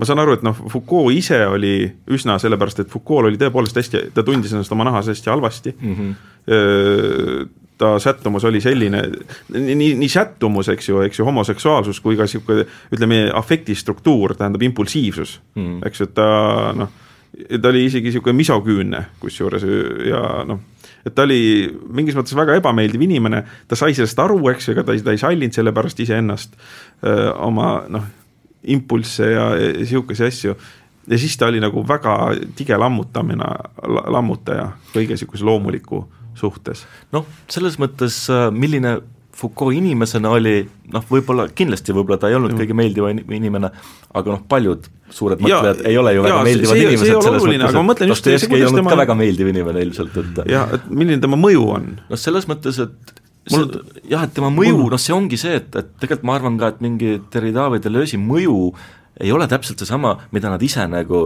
noh, noh, mõtlesid või selles mõttes, et et see alati nagu noh, iga mõtlemine nagu kuidagi äh, noh, ta noh, alati nagu reedetakse mingis mõttes nende poolt, kes seda nagu kuidagi propageerivad ja mm -hmm. nagu mhm. edasi arendavad, et, et alati mm -hmm. toimub mingisugune reetmine ja ja reetmine, lihtsustamine. lihtsustamine täpselt. ja ärakasutamine. ärakasutamine, aga, aga Foucault puhul, et äh, noh, ma ei tea, ma arvan, et Foucault ikkagi filosoofiliselt on väga huvitavaid nagu asju, asju öelda, aga et see ja, ja aga kindlasti selles mõttes ma isegi nagu olen osaliselt nõus, et, et kindlasti on seal mingi Ressantimaa vaim Foucault mingisuguses mõtlemises, aga samas on ka näha, et ta ikkagi nagu tahab seda või noh, ta on sellest ka teadlik ja ta tahab seda ka ületada, et noh, oma ma ei tea, elu noh, ma ei tea, viimases faasis, et tuleb see enesetehnikate mõiste, eks ole, ja mis nagu kuidagi viib tagasi sinna Vana-Kreekasse ja, ja noh, ja noh, ja, ja ikkagi nagu ütle palun juurde see enese, mis sa mõtled? enesetehnika, see on mm -hmm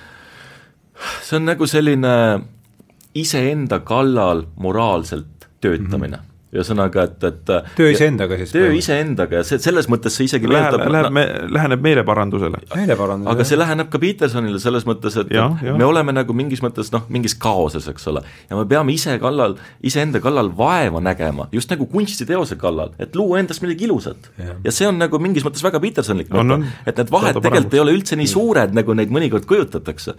et, et, et luua kaosesse korda et, et see Foucault enesetehnika tegelikult läheb ka sinna, sinna, sinna, sinna välja mingis ja, mõttes. ja selles mõttes on ta mõju olnud ikkagi tohutu, ma kujutan ette, et ma kas või siin endagi peal võin seda küll julgelt väita, et ta ikkagi mingil väga keerulisel etapil andis ikka sellise jaa, et selges, kui me räägime praegu Peter, Petersoni praegustest sotsiaalsetest mõjudest, siis kahtlemata, eks ju, see, see on see no mingis mõttes isa kuju puudumine, mis on ja. Äh, lääne kultuuris olnud hästi, hästi pikalt, eks ju, ja selle järgi on lihtsalt vajadus. ja, ja no kui, kui me näeme, et tegelikult kriisiolukordades need äh, hierarhiad taastuvad, no okei okay,, seda mul, mulle jäi väga meelde, et kuidas äh, koroonapandeemia alguses seda Popovi, on ta Popov, eks ju, jah, see Popovi näiteks, ta tõusis niisuguseks kangelaseks. Ja praegu loomulikult see Zelenskõi eks ju, unustatakse ära, et see, kelle poole kõik nagu imetlevalt vaatavad, et oh, oh, see on ju keskealine hetero, valge heteromees. eks ju, et nagu see kategooria on nagu täiesti ära unustatud, mis on tore ja mul on isegi natuke halb, et ma sellele praegu tähelepanu juhtisin, et, et noh, on niisugune positiivse kangelase arhetüüp äh, hädaolukorras laksti reanimeerunud mm -hmm. iseenesest.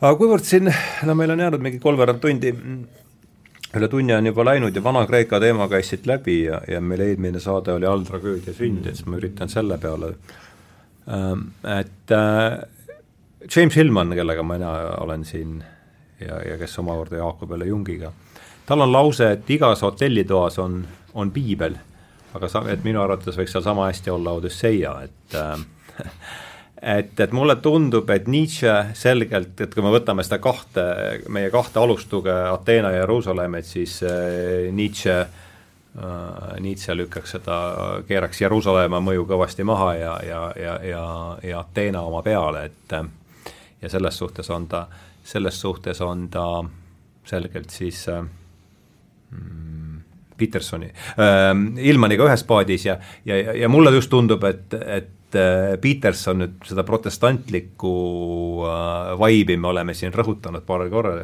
Jaanus, sa noogutad kaasa, et et ähm, et võib-olla selles äh, et lükkakski siis selle küsimuse, et see telg Ateena, Jeruusalemm, Nietzsche, Peterson mm, -hmm. Hilma, jätame Ilmani kõrvale Jungi võib-olla siia mm, -hmm. et et äh, siis juudi ja kreeka, juudi, juudi traditsiooni ja Kreeka traditsiooni mõju ma võib-olla isegi main, mainiks seda puudumise kaudu, et äh, teeks lihtsalt sellise osutuse, et kristlus kristluseks, aga vaadake, kui vähe räägib eh, Peterson Jeesusest, eks ju. aga kas ta räägib ikkagi nii vähe? Ei, ma ütleks, et räägib küll, vaata tema et piib... räägib ikkagi vähe, jah? ikka, ikka, ikka väga, no ta, kui sina nii tajud, siis kuna sa..., kuna noh, ei no tema käest on küsitud, küsitud, eks ju mm, -hmm. et noh, mis see Jeesuse kuju on ja no tema, ta tuleb ka selle kuningate kuningas, aga see, kui ta oma piibliseeriat algab, ta alustab Vanast Testamendist.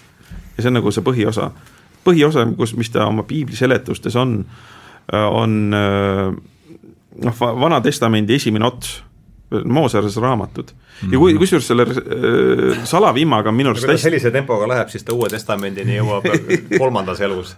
jah, et see salavimmast minu arust on väga hea analüüs tuleb, on Kaini Aabeli lugu mm., eriti nii, kui see, kuidas see Peterson sellest räägib, jälle oluline reaalsus, eks ju, et see, kui Kain noh, mis, mis tuleb minu arust väga hästi välja ka see, et nii ka-, nii Kain kui Aabel mõlemad tahavad head, tahavad ohverdada Jumalale, eks ju, nad on mõlemad Jumala inimesed, aga siis see täielik sattumus, see, et Aabeli ohvriand võetakse vastu, aga Kaini oma ei, ei võeta, noh, see on niisugune fund-, leppimatus ebaõnnega, et see on nagu enda õiglustunne ei lähe Jumala omaga kokku mm, -hmm. eks ju, et ma, ma teen küll kõik õigesti, aga ikkagi ei tule välja. ja, ja samas, eks ju, minu mingi vend teeb ka nagu kõik õigesti ja tema, temal tuleb nagu kõik hästi välja mm. -hmm. ja siis on tagajärjeks see, et äh, ma vihkan seda venda mm, keda Jumal õnnistab mm, eks, vot see on nagu, sealt on see vimmahalge juba. ja ongi meil esimene mõrvajuhtum. jah ja see, see tänamatus ja nagu Peterson ütleb ka, et eks ju see, mis seal mõrvatakse, on tegelikult ideaal. ja, ja kusjuures no jälle ei saa sellest Ukraina asjast mööda, Vene õigeusu üks, mitte Vene õigeusu, vaid siis tähendab, Ukraina kiriku üks tähtis tegelane ütles, eks ju, et see, mida Putin teeb, on noh, sama, mis Kain Aabelile hmm., eks ju, me võime öelda, no seda me rääkisime David Ilmar Beecheriga, vaata siin, et et Venemaal on kogu aeg mingi eriline kamm Euroopaga. ja, kui me vaatame, eks ju, ja samas eriline kamm Euroopaga on ka Ameerika Ühendriikidel. ja võib öelda niimoodi selles skeemis, Euroopa oli see ülikultuur ja jumal, Ameerika hakkas jäljendama seda ja Ameerika sai õnnistatud, Ameerika sai tõeliseks suurvõimuks, Euroopa, ta on nagu noh, Euroopa super, ta on Euroopa Aabel. kultuur, keda jumal nimega Euroopa on õnnistanud. Ja samas nagu Venemaa tahtis ka olla sihuke euroopalik ja hea, eks ju.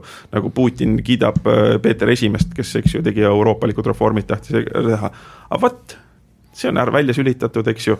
ja siis tuleb mingi väike nähvits Ukraina, kes saab ka Euroopaga läbi ja tahab euro europiseerida mm -hmm.. vot siis hakkab see kain Putin märatsema, eks ju, ma peksan ta täiesti segi. Ehk siis ta saab aru, et eks ju vallutada seda enam kuidagi ei õnnestu. Ja see, mida ta teeb, on siis lihtsalt tapab ja hävitab, eks ju, seda laastab nii palju, kui suudab. et see on noh, see, see vimm, eks ju, võib öelda vimm Ukraina vastu.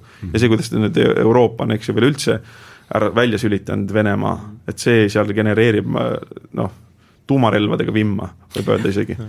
aga selle vimmaga on see, et siin noh, see tuleb lihtsalt nagu igaks juhuks nagu täpsustuseks alati öelda, et, et noh, ega, ega Peterson või Nietzsche või kes iganes, ega nad nagu ei, kuigi Nietzsche on muidugi võib-olla erijuht äh, ja, ja seal tuleb täpne olla, aga aga ega Peterson selles mõttes ei, ei eitaks, et maailmas on ebaõiglusi. ja, ja. ja, ja et neid ei tuleks kõrvaldada, selles mõttes, et, et loomulikult tuleb nagu niivõrd kui võimalik nagu ebaõiglusi ikkagi tasandada ja nii edasi, aga samas nagu tuleb ikkagi või noh, tuleb mõista, et, et on erinevused selles mõttes ja et, ja et on tõesti ikkagi mingisugune või noh, et, et, et me ei saa nagu kõike lihtsalt nagu tasalülitada, et erinevused jäävad selles mõttes.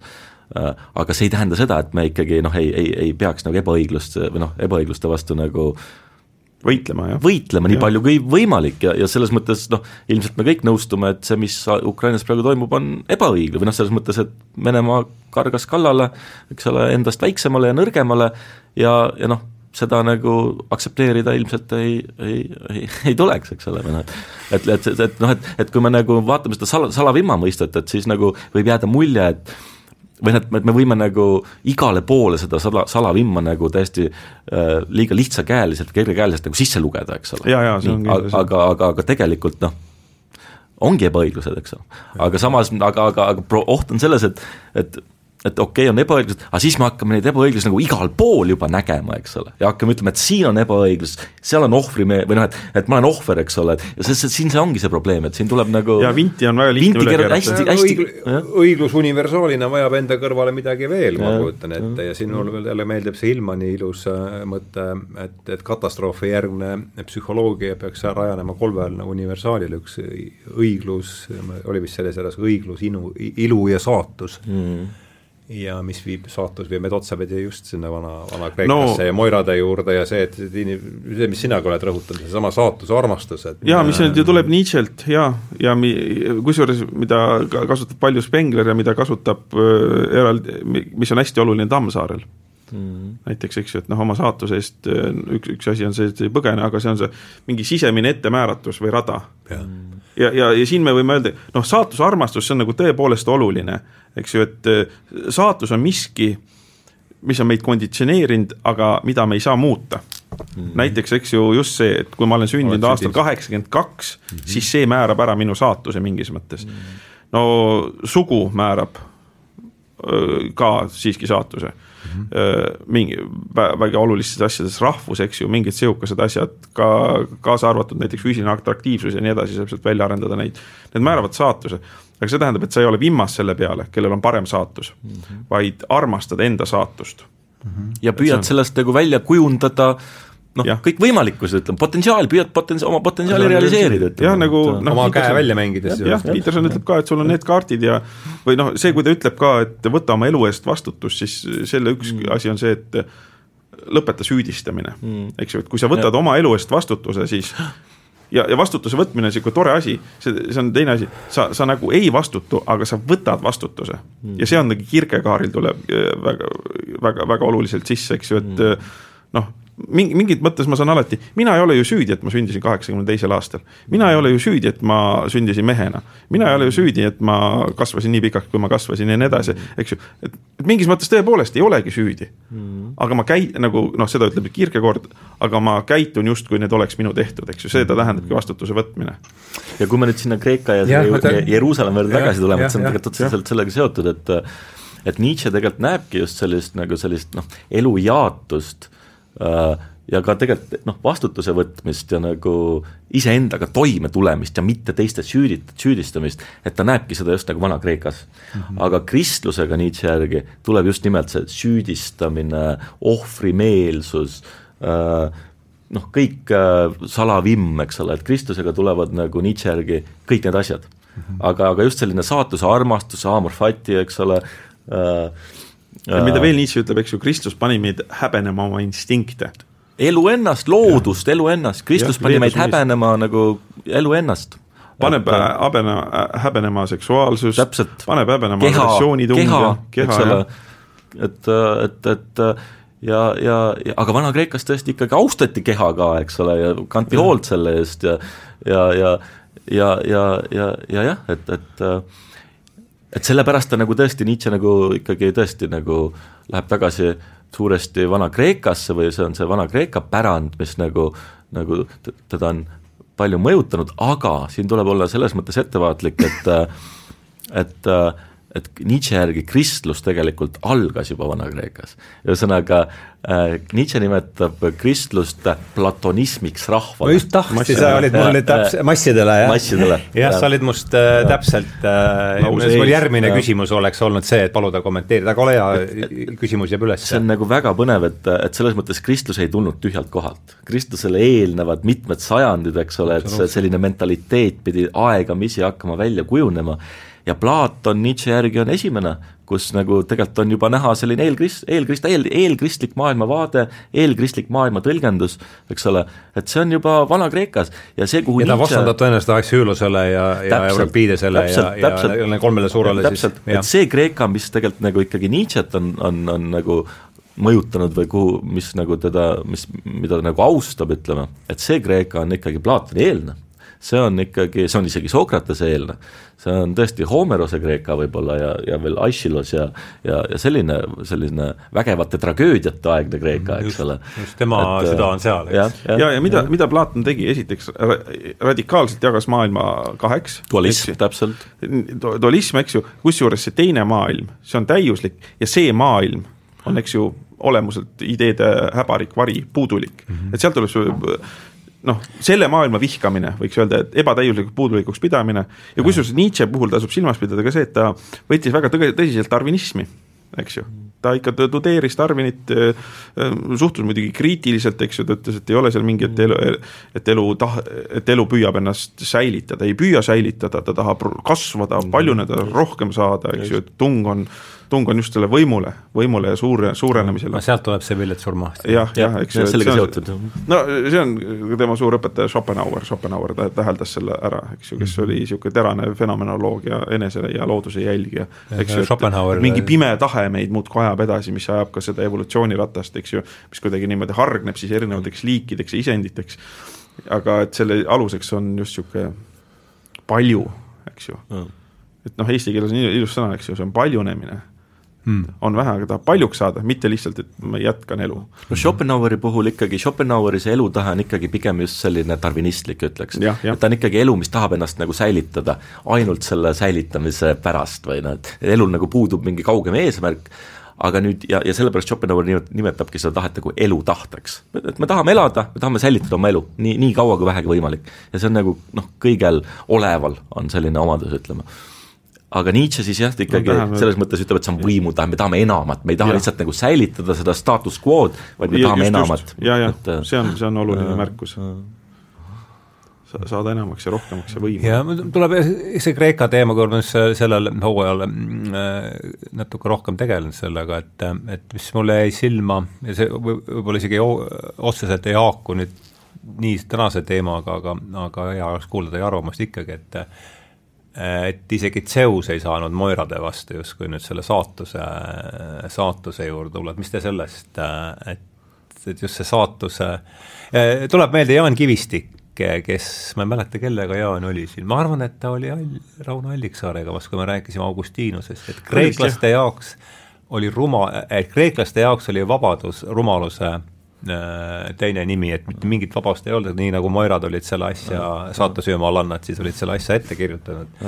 nii see ka oli, et äh, lihtsalt äh, te, käsitleme seda joonealuse see on märkuse. väga põnev teema jah, et, vot Sartril, noh, eksistentsialistil äh, on, on selline hästi kuulus äh, väide, et äh, eksistents eelneb olemusele eksistents eelneb olemusele. ühesõnaga Sartril tekib selline või Sartre annab nagu inimesest sellise ettekujutuse, et inimene on nagu täielikult vaba tegema endast mida iganes eksistents eelneb olemiseni, seda eksistents eelneb olemusele, olemusele, olemusele. mm -hmm.. ühesõnaga, et ei ole mingisugust eelnevat olemust või saatust, mis määrab inimese eksistentsi ära. et kõigepealt inimene nagu sünnib siia maailma, eksisteerib ja siis ta ise loob ennast, ise kujundab oma olemuse ühesõnaga, et inimene on vaba kujundama iseennast ja oma, oma olemust, nii. aga nüüd tõepoolest see kreekalik pilt on sellele see on täiesti Kreeka vastane. see on täielik Kreeka vastane ja, ja, ja, ja Nietzsche muidugi on pigem sinna kreekaliku poole, et, et tõepoolest, et me ei saa teha ennast kõike, mida me tahame, selles mõttes meil ei ole mingisugust absoluutset vaba tahet, et Nietzsche on nagu hästi palju kirjutanud tegelikult vaba tahte kohta ja ja nagu kritiseerib, noh, ütleme jah, õõnestanud mõtet, et inimesel on mingi absoluutne vaba tahe või inimene on kuidagi täiesti autonoomne. ja, ja, ja, ja selles seoses just tulebki Nietzsche'l see amor fati siis, ühesõnaga et, et me peame nagu äh, noh, välja selgitama, enda sisse vaadates ütleme, peame välja selgitama, kes me oleme milles me oleme tugevad, milles me oleme nõrgad, mis on, kuhu, kuhu, kuhu meie mingisugused kalduvused, instinktid meid, meid kisuvad, nii.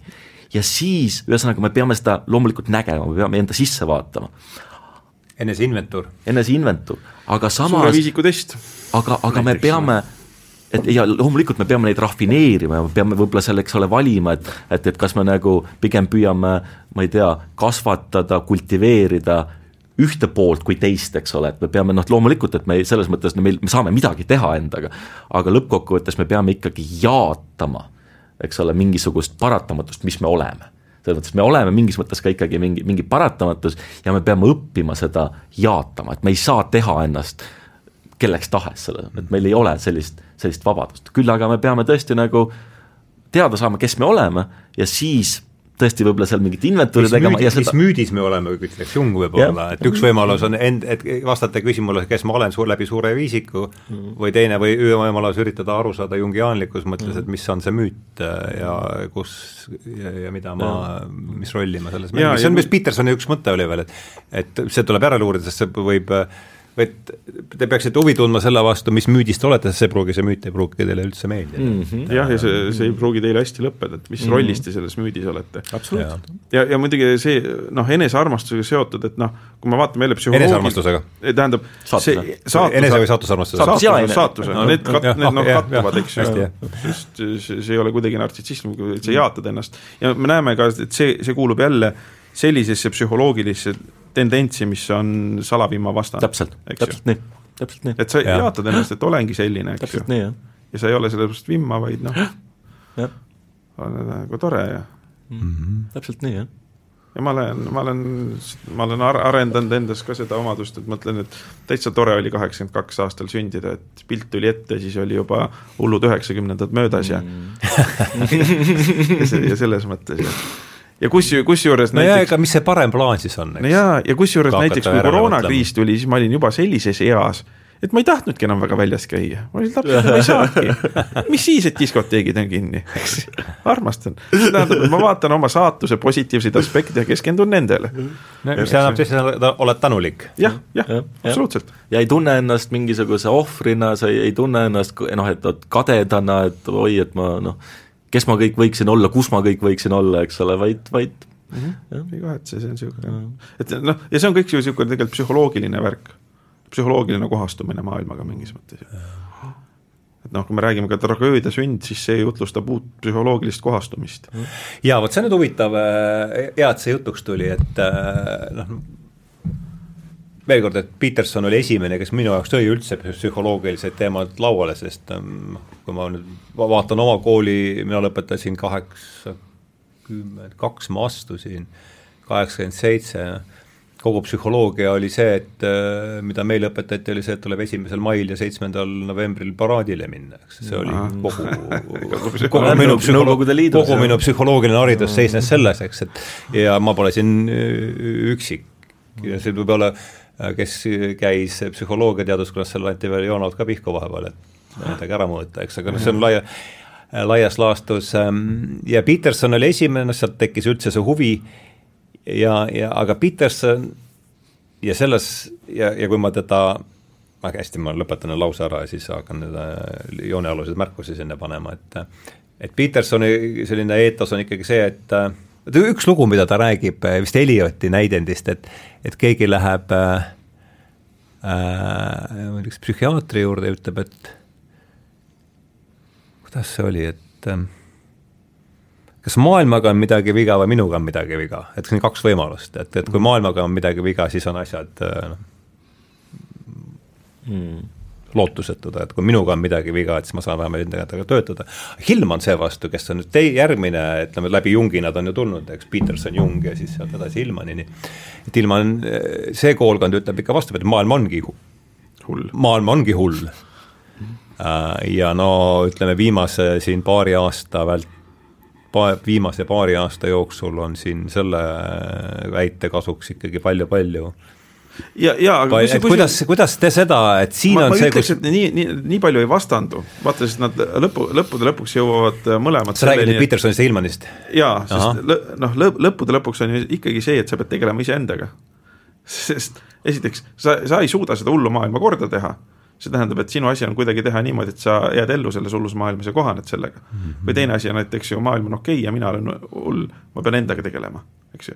et mm -hmm. pragmaatiliselt tuleb isegi see välja sama sa,, sarnaselt või vähemalt noh, väga sarnaselt jah, et, et äh, ma tegelen sellega iseendaga no,. ma arvan, et enesearendamisega. oot, ma otsin üles selle, räägi, räägi, ma, see on, see on huvitav koht, ma jätka, Jaanus, ma otsin nii kaua ühele, ühe tsitaadi üles, mis mul tundub olevat oluline siin. et tõenäoliselt nii Nietzsche kui Peterson noh, nõustuksid, et maailm ja tegelikult ka kõik postmodernistid, et maailm on väga-väga keeruline. selles yeah. mõttes maailm on väga-väga keeruline ja, ja maailmas on väga palju kannatust selles mõttes ja, ja siin on nagu väga raske toime tulla. eksistents on väga raske mm. -hmm.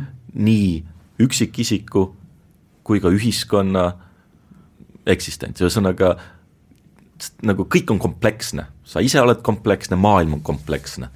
ja tõepoolest, et siin nagu, nagu mingisugust suunda leida, siin kuidagi nagu toime tulla, on väga-väga keeruline. ühesõnaga, et ei saa jah öelda, et et üks on kuidagi lihtne ja, ja teine on kompleksne, mõlemad on väga-väga komplekssed.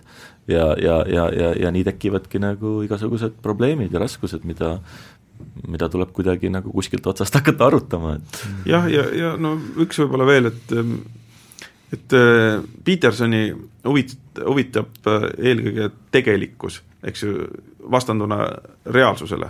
Mm.. eks ju, see on see asi, kuidas indiviid elab ja, ja mida ta eriti Nietzsche puhul välja toob, et äh, teda ei huvita, kuidas asjad nii-öelda reaalselt on või objektiivselt, see on nagu teaduse rida mm., vaid kuidas käituda mm, -hmm. eks ju, see on ka see, kus on väärtuse maailm.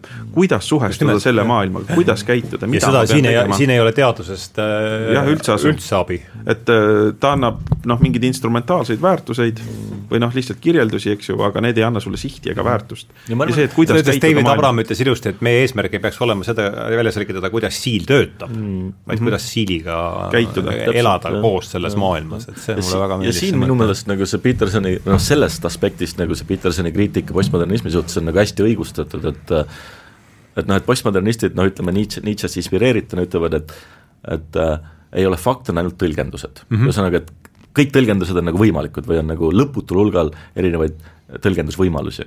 ja nüüd sellega Peterson nagu noh, nõustuks, et ongi lõputul hulgal nagu tõlgendusvõimalusi. aga mõned töötavad neist täpselt, noh et mõned on nagu, mõned, mõnedega saab elada, aga mõni viib sind enesetapuni või mõni, mõni, mõni viib sind depressiooni või, või mõni hävitab maailma, eks ole, ühesõnaga, et et need, mis nagu töötavad, et neid ei ole tõesti lõputul hulgal ja aga muidugi see, see komplekssuse probleem tegelikult ei kao ära, sest neid, mis töötavad, on ka palju. Ei ole niimoodi, et töötab ainult üks, kaks või kolm. selles mõttes, et, et ega see komplekssuse probleem tegelikult jääb, lihtsalt noh, töötavad erinevalt ühesõnaga, et, et, et neid, noh, et mis töötavad, neid ei ole lõputul hulgal, aga neid on siiski päris palju, sest nad töötavad ühis, erinevad ühismõõdutud ka, et, et jah, et, et see, me ei saa sellest komplekssusest ikkagi lahti, see komplekssus jääb, et jaa, lihtsalt noh, Petersoni juurikas on selles mõttes samamoodi nagu Nietzsche'l, et kuidas käituda, sellepärast on tema raamatu pealkiri ka Tähenduse teejuhid, samas ta niisugust äh, behaviorismist õpib ta palju, eks ju, ta niisugust meetrilist ja positiivistlikku teadust, ta võtab sellest ka ikka väga palju mm.. näiteks viimati see annab talle ta pagunid ja, ja, ja, ja. mis talt nüüd on vist ära võetud juba.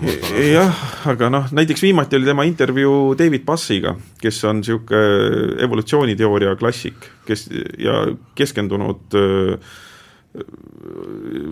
paaritamiskäitumisele, inimese mm. paaritamiskäitumisele, human mating. Podcast, ah, jaa, podcast ka. kuulas ka või, kuulas ka või? jaa, ei, mul on tema raamat ka, see on noh, ta on tegelikult, ta on tõesti oma, oma ala nagu guru on see David Bass, et ja sealt tuleb väga huvitavaid asju välja, nagu nad mõlemad ütlevad ka, et noh, tihti nad leiavad neid sealt asju, mis neile üldse ei meeldi mm -hmm.. noh, näiteks Peterson toob näite, et kui tõsine probleem on IQ erinev jaotus, eks ju, ja kui oluline äh, see edu näitaja on see IQ, eks ju, see on, see on väga tugevalt kaasasündinud, see jaotub kohutavalt erinevalt ja tegelikult osadel inimestel, kellel ongi noh, kellel on kaasasündinud madalam IQ, neil ongi igatpidi väga raskem. ja see, see, see probleem on nii keeruline, et mis nendega teha, eks ju, eriti kui ühiskond järjest keerustub, nii palju lihtsaid töid pole võtta, eks ju, kuidas neile säiliks nende eneseväärikus, see on kohutavalt raske probleem. et seda ei saa lihtsalt niimoodi, et harime neid rohkem, ei anna harida väga mm. ja see, mida David Bass toob välja, eks ju, on siis äh, meeste ja naiste noh, mating, noh, paaritumine on nagu, tahab natuke liiga zooloogiliselt liiga tehniline. liiga zooloogiliselt kõlab, eks ju, see inglise keeles on natuke laiem, paarumine öeldakse ka vahel. et noh, et kui, millised on meeste keskmised strateegiad, millised naiste strateegiad, seal on nagu väga huvitavalt tulevad välja need erinevad, no et ka mis näiteks noh, Bass, David Bassi nagu David Bass, jah. David Bass, jah, buss kirjutatakse eesti keeles.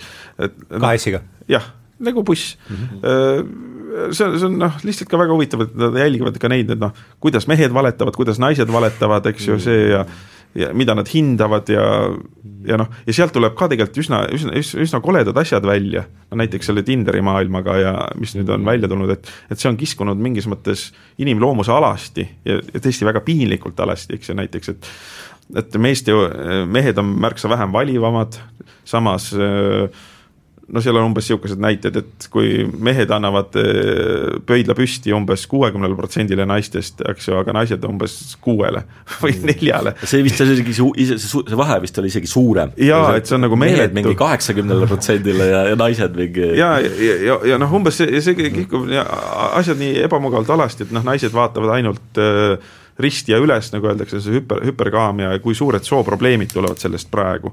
et noh, miks, miks ei leita paarilisi ja kuida-, kuidas see on tulnud ja, ja millised on agressioonikäitumised ja, ja noh, et see, mis ta ütleb ka välja, et sa vaatad ja see on nii, nii kurb ja traagiline, aga noh, selline see loomus on.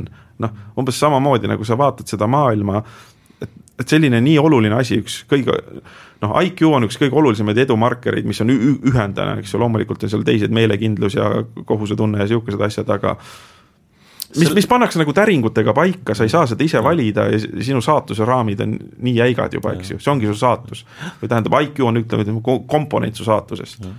et sellega seoses noh, veel üks nagu päris oluline mõiste, mis, mis ühendab Nietzsche't ja Petersoni ja mis ühtlasi nagu mingis mõttes kehastab sellist Petersoni või kuidagi nagu sisaldab, ütleme, Petersoni kriitikat postmodernismi aadressil, on hierarhia mõiste. ja oh, see on nüüd, see on nüüd päris ja. oluline mõiste, et et, et Peterson nagu, või Peterson arvab, et või Petersoni järgi postmodernistid arvavad, mis ilmselt osaliselt on ka tõsi, et kõik hierarhiad on võimuhierarhiad mm, -hmm. aga nüüd Peterson räägib kompetentsi hierarhiatest, eks ole, mis mm -hmm. on noh, seotud, eks ole, ka selle IQ-ga natuke, ühesõnaga ja, ja Nietzsche muidugi selles mõttes on hierarhiline mõtleja, et Nietzsche nagu täiesti äh, tunnistab ja mitte ainult ei tunnista, vaid jaatab neid hierarhiaid, ühesõnaga ja, ja ta nagu, ja ta, ta, ta, ta, ta nagu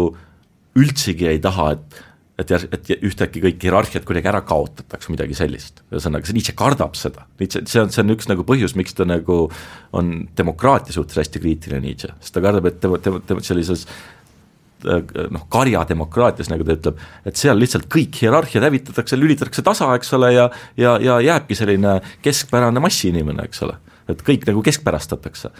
ja Nietzsche selles mõttes nagu tunnistab täiesti hierarhiate vajalikkust, hierarhiate nagu äh, Äh, tunnistamise vajalikkust.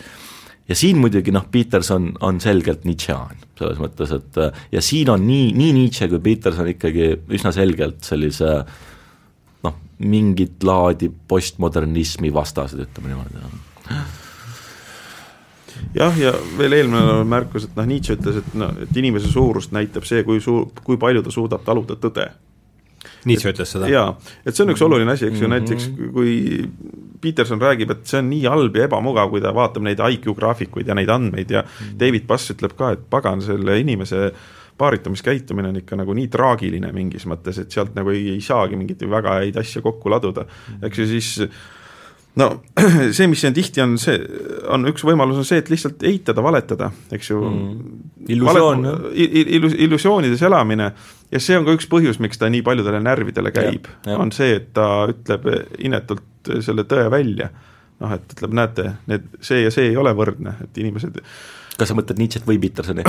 mõlemat mõlemat, mõlema kohta võib öelda ja David Bass sinna kaasa arvatud, mm. eks ju, ja siin on see probleem, noh, mis, mis on seal Lääne Akadeemiasse tunginud, et äh, solvavaid tõdesid ei tohi välja öelda. täpselt, täpselt. ja on raske ette kujutada, mis võiks rohkem inimest solvata, kui eriti kui sa oled niisugune võrdõiguslane naha ja karvadega, kui evolutsioonibioloogia näiteks, mis hakkab raiuma, sorry, Vaan, inimene on imetaja, imetaja üheks tunnuseks on see, et äh, üks pool on lastega rohkem seotud, kusjuures, mida nii, mida ka Peterson rõhutab, eks ju, et et see primaar diaad ei ole mees ja naine, vaid naise isiksus on just äh, evolutsioonis kujunemise lool andnud lapse, ema ja lapse suhe.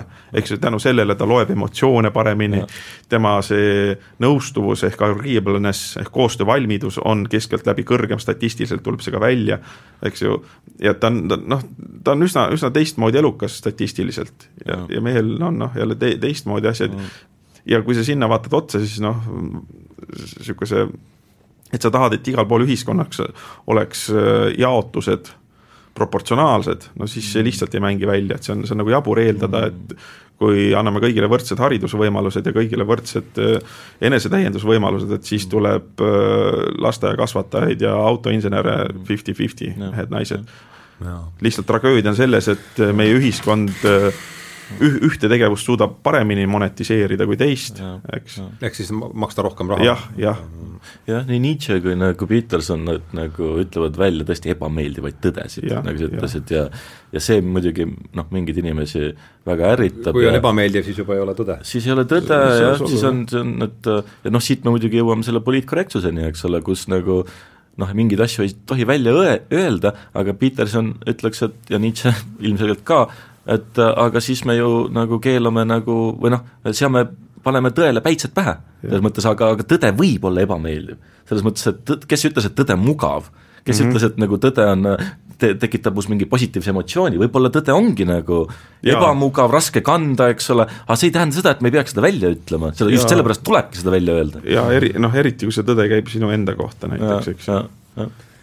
jah, kerge teinekord öelda, kui ja, ja, ja muidugi jah, seal ta on ka teinud selle reservatsiooni, et räägi, räägi tõtt või, või vähemalt ära valeta, eks ju mm. -hmm. et, et ja, ja see on noh, et kui me räägime niisugusest poliitkorrektsusest, see tihti läheb sinna valetamise peale ära mm. -hmm või no me võime öelda ka viisakus, eks ju, tihti mm -hmm. ja, mhm. ja ta ise on neid näiteid toonud ja kusjuures selle tõe rääkimisega on niimoodi, et et meie tänapäeva turvalises ühiskonnas on see probleem, eks ju, et puudub seikluslikkus ja heroiilsus yeah.. ja siis ta on öelnud, aga proovi niimoodi, et sa räägid ainult tõtt, oi su elu saab seiklus see läheb väga põnevaks kohe, eks ju, kui kus ta ütleb seda?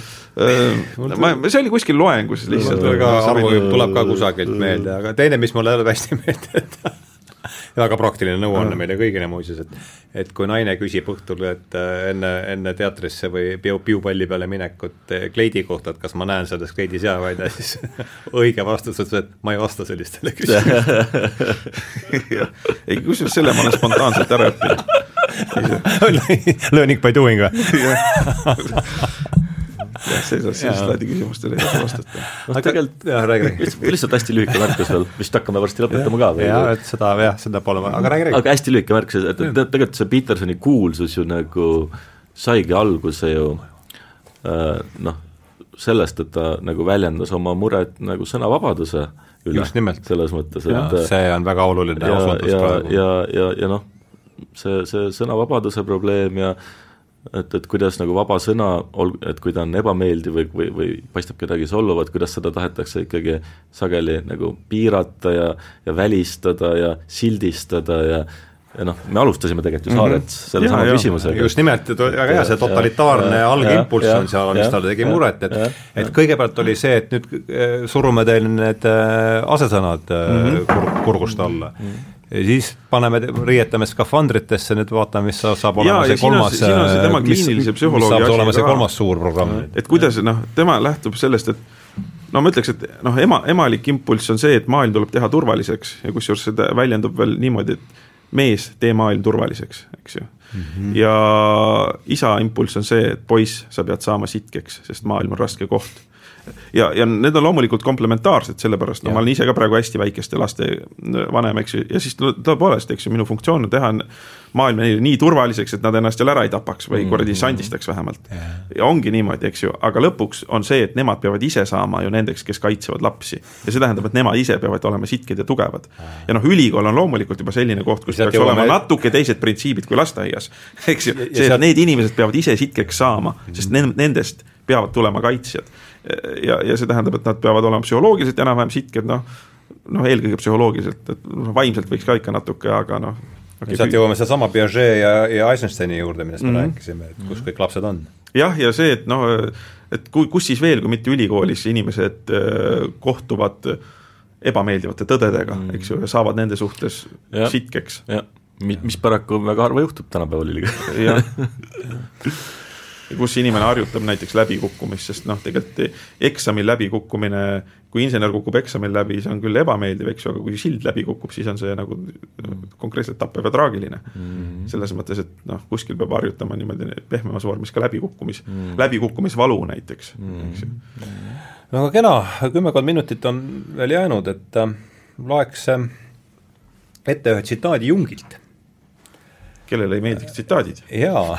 eriti Jungilt sest ta ju mingil määral seob ka kahte poolust no,, kellest me siin täna räägi-, kuivõrd nad poolused mm. on, aga kahte ja, ja küsiks teie kommentaari ja siis äh, just selle tänase ta-, üldiselt ja tänase saate taustal äh,. põlve otsast tõlgitud ma ei ole väga rahul, aga et meie, meie aega iseloomustab üleüldine hävingu ja uuenemise ootus, tal on küll mood mitte, aga ma peaks seda ootuseks, meie aega iseloomustab meeleolu. meeleolu, jah jah, jah, ma tean, et me, ma valisin ootuse, aga la, et hävine, hävinemise või hävitamise? hävingu, hävingu., destruction mm, -hmm. ma peaks vaatama, järsku mul on olemas isegi ingliskeelne siin kõrval, üks hetk, järsku on, ma ei tea, kui ei ole, siis ma ei hakka siin nagu võtsi aega ära raiska aega, inimesed kuulevad. jah, jah, ma ei, ei leiagi teda praegu nii. see annab endast märku kõikjal, poliitiliselt, sotsiaalselt, filosoofiliselt me elas, me elame ajastul, mida kreeklased kutsusid kairoseks. Äh, see on siis soodsaks ajaks, jumalate vahetuseks soodsaks ajaks. nii siis jumalate vahetuseks kui ka siis okei okay,, mul läks nüüd, tegin käigu pealt jälle ümber seda. ma juba sain mõttest aru. jah, äh, ja et mitte ainult vahetada jumalaid, vaid siis fundamentaalseid printsiipe ja sümboleid, et niivõrd palju on kaalul ja nii palju sõltub praegu meie psühholoogilisest häälestatusest, et äh, lähme siis sellega, lähme sellega lõpule, et Kairos jumalate vahetamiseks soodne aeg, mulle tundub, et midagi sellist, midagi sellist äh, on ju jumal, jumala surm, Nietzsche ja, ja see on see, ilmselt on see aeg, mis siin on kest-, kestnud tuhat seitsesada kaheksakümmend üheksa ma pakuks üks, üks aastaarv, mis sinna hästi sobiks mm, -hmm. Notre, Notre Dame'i ümbernimetamine mm -hmm. Mõistuse no,, mõistuse ma, templiks, millest ma arvan, et praegu läks midagi niisugust käima küll, jah. -hmm täitsa võimalik. näiteks ma enda, endast ma räägin, et äh, siin sõjaeelsetel aegadel veel, eks mis on psühholoogiline meeletu hüpe oli üks raamat Leiutades maailma, Katariin Marssal või hästi palju teda meedias promoti seal, äh, igas ajalehes oli umbes ja autoriga tegi Areen intervjuu ja ja siis oli niisugune feministlik tehnoloogia ajalugu. Ja ma lugesin seda ja kusjuures ma lugesin ennem, kui ma seda retseptsiooni kohtasin. Ja kui ma lugesin siis ma sain täielik totrus idiootsus, eks ju, ta ütleb, et seal, et sisepõlemismootoriga autod jäid, jäid äh, peale sellepärast, et neid peeti mehelikuks, aga elektrimootoriga autod ei võetud kasutusele, sellepärast et neid peeti naiselikuks. ja eks ju, kui mehed oleks naisi kuulanud, siis poleks vaja praegu üldse tegeleda sihukeste asjadega nagu elektri, no ühesõnaga no, täiesti idiootne, igatpidi nagu alla igasugust arvestust nagu täielik jama, ta ei teadnud ei majandusest ega sellest midagi, Postimees ilmus see. ma olin selle arvustuse ära kirjutanud äh, ja eks ju saatsin ära, aga no loomulikult on seal ilmumisjärjekord pikk, eks ju. ja siis tuli vahepeal tuli see sõda peale, meeleolud nagu täiesti muutusid, mul oli nagu piinlik, eks ju, siis kuidagi nagu, issand jumal sihukeste tühiste asjadega tegelesime ja nüüd, nüüd see ilmub, eks ju, pärast sõda, et kuidagi totter, totter, eks ju yeah.. sest mul on tunne, et muuhulgas see sõda kuidagi andis nagu ilge kõrvakiilu ja sai aru, et mis asjad on tegelikult olulised ja mis mitte mm. -hmm. mina mäletan ka, ma käisin kaks tuhat kuusteist veel käisin mingi feministeeriumi seinal või midagi yeah., Facebooki seinal midagi jaurab ja siis no tule jumal appi, et ma ei jõua ka ennast ikka ära imestada tagantjärgi, et no mida kurat. aga see, et nagu noh, et noh, mingis mõttes on see tore, mul on tunne, et vähemalt mingid instinktid on paigas. et see lääne kultuuri siunamine, kirumine käis ikka ilge hooga. aga nüüd, kui nagu järsku on Putini õõn lõustaga vastupidi ja mis toimub, eks ju, siis nagu järsku saadakse aru, et kurat, on ta, mis ta on, aga tegelikult ta on siiski kõige parem. ja vot see on ka kusjuures üks Petersoni sõnum, et lääne kultuur praegusel kujul ta on kõige parem võrreldes mis tahes teisega või ka ajalooga, eks ju. et seda ei tasuks maha tampida, vaid seda tasuks täiendada ja edasi arendada. ja, minu arust vot see vibe tuli küll praegu tagasi et kui nüüd tajud, Ukra... tajud, tajud niimoodi? jaa, et kui Ukrainale mindi kallale, et vähemalt see, see kuidagi kompass läks järsku paika. Et tegelikult see lääs ja inimõigused ja see on nagu kuidagi tore ja see, et NATO niimoodi hakkab kaitsma ja noh, kuigi seal hädaldatakse, et noh, oli mm. piisavalt efektiivselt. mina nii optimistlik ei oleks, eks, et, et mulle, mulle tundub, et nagu läks, läks korraks võib-olla tõesti nagu, nagu tekkis mingi ühtsus, eks ole, et kaitseme mm -hmm. seda lääne kultuuri, aga see, ma kardan, et see ühtsus nagu koroonaga oli see esimesed nädalad, et nüüd on ja, ja siis tuli kõik seesama selle, sellega ma olen pigem nõus. hüsteeria läks äh, lihtsalt äh, vastuolu läks, sai lihtsalt hüsteerilisse, kultuurisõda sai lihtsalt hüsteeriat juurde. jaa, aga ma ütleks, et lihtsalt see, et mul on, ma olen nii selle võrra pessimistlikum, et mind see väike puhang juba rõõmustab mm,. Mm, et seegi ja. oli et vähemalt see mälestus säilib. aga põhimõtteliselt ma arvan küll, sellepärast et nüüd tagajärjeks on jõhker vaesumine igatpidi ja vot see võtab hästi tuli, tuld, oi eks ju, toiduhinnad tõusevad, mm. kütusehinnad tõusevad, teid ei saa ehitada, siin läheb veel toredaks laamendamiseks ja parem püsi urus või, või ulu, ulu koos huntidega, et ma arvan, et selles mõttes on küll jah, pahad ajad on ees. no ta sobib, see, see Kairose noh, loodame, et tuleme eluga läbi lihtsalt ja. ja ole hea, see. jah, selle Kairose kohta veel võib-olla, et, et absoluutselt see, see hetk, see poliitiline olukord, sotsiaalpoliitiline olukord, milles me praegu oleme, et midagi on, midagi on sündimas jah ja,, aga, aga, aga samas ma nagu on, ja on sündinud, sündinud ikka pikka aega. sama täpselt, et on sündinud väga pikka aega ja tegelikult see nagu see sündmus, see, mida Nietzsche nimetab jumala surmaks ja mis motiveeris noh, Petersoni selle, seda probleemi uurima ja seda väärtuse probleemi ja nii edasi, et et tegelikult ma arvan, et see sündmus ei ole ikka veel täielikult kätte jõudnud, selles mõttes, et, et Nietzsche ise ütles, et et läheb sajandeid, enne kui jaa, see, kui, kui jaa. see sündmus nagu päriselt kätte jõuab, et, et selles mõttes, et niisugused, no, no mida ma olen neo-. mida ta peab selle sündmuse all silmas, oskad päriselt kohale jõudmine, et jumal, mida tähendab, et jumal on surnud? et inimesed tõesti nagu noh, praegu võib-olla selles mõttes, et ikkagi ju mingi, ma ei tea täpset statistikat, aga mingi väga suur protsent ju äh, inimesi, kes elab planeedil Maa, on ikkagi religioossed, selles mõttes. pigem me räägime religiooni tagasitulekust praegu. just nimelt, just nimelt, aga, aga samas väga paljude hulgas ei ole see religioon veel üldse nagu küsimuse alla sattunudki. ja, ja, ja kui ta nüüd kui ta nüüd ikkagi jõuab nende inimesteni ka ühel hetkel, siis tulevad noh, selles mõttes me ei tea, mis tuleb. ühesõnaga, see igal juhul see sündmus ei ole veel nagu täielikult ikka veel kohale jõudnud, me elame ikka veel selle mingisuguses järellainetuses ja ja see on kestnud juba nüüd juba pea paarsada aastat, eks ole, võib-olla ja, ja, ja, ja vaatame, mis no eks me saame siin ju, kui me räägime sündmustest, siis me saame rääkida ikkagi sümbolitest, eks, ja mulle tundub, et noh, üks koht, kus selgelt toimub jumalate vahetus, on neljanda sajandi lõpus, kui Theodosius mm, Suur, eks, keelustab paganlikud äh, riitused, see on ju ja. selge, selge jumalate vahetus, eks, ja ja Jakobiinide üritus, see küll keerati tagasi, et Notre Dame mõist-, oli Notre Dame'i nad ristisid ümber mõistuse templiks, eks, et see mm, no ja, ja, ja, ja noh, ma arvan, et see käib neid arenguseadusi pidi, et niisugune äh, ütleme, neoanimism, neo, neopaganism tuleb tagasi uuel täiustatud vormil, mis on ületanud mingis mõttes vanad. jah, just nimelt, ja, ja neo, neoanimism, neopaganism tähendaks ikka tagasipöördumist, kui see meile tuntud no. raamistikus ikkagi Kreeka, Kreeka poole, eks, immanentsi ja, immanentsi ja, ja, ja pluralismi Pigem, poole, kui siis selle monoteistliku transcendentse jumala poole. mingi animismi ja, jah, just. kõik on elust puud, eks, pühad ja. puud, hiied, et, et aga noh, jah, mis sa, kuidas ja ongi ja ongi, täpselt ongi, kurat küll, ongi nõus, nõus see kaart kaob ja kuradi mehhanitsistlik maailmakäsitlus. me, me saame jälle aru, et ongi, puud on elus. ja see on, see on tore, et seda, seda on mitmel tasandil mm. -hmm nojah no, meil... muidugi vot jälle ilus tsitaat, Nietzsche tsitaat, millega lõpetada niisugust saadet, on see, et iga valu on sünnivalu. -hmm. jah -hmm. see on ilusti, seda saame kirja. iga valu on sünnivalu. jah, see on ja ta see, seda tead, seda, mis pidi pastakas käes käib, seda ta teadis küll hästi, Nietzsche siin pole kahtlust. mul on üks tsitaat veel, mis on oh., mis on sarnane sellega tegelikult ja mis on nii kuulus, et ilmselt te olete seda ka kuulnud, et äh, tuleb kätkeda kaost, et suuta sünnitada tantsivat tähte wow. see on Zarathustrast, see on Zarathustrast. tuleb? tuleb kätkeda endas kaost, et suuta sünnitada tantsivat tähte tantsu mõiste on oluline, jah.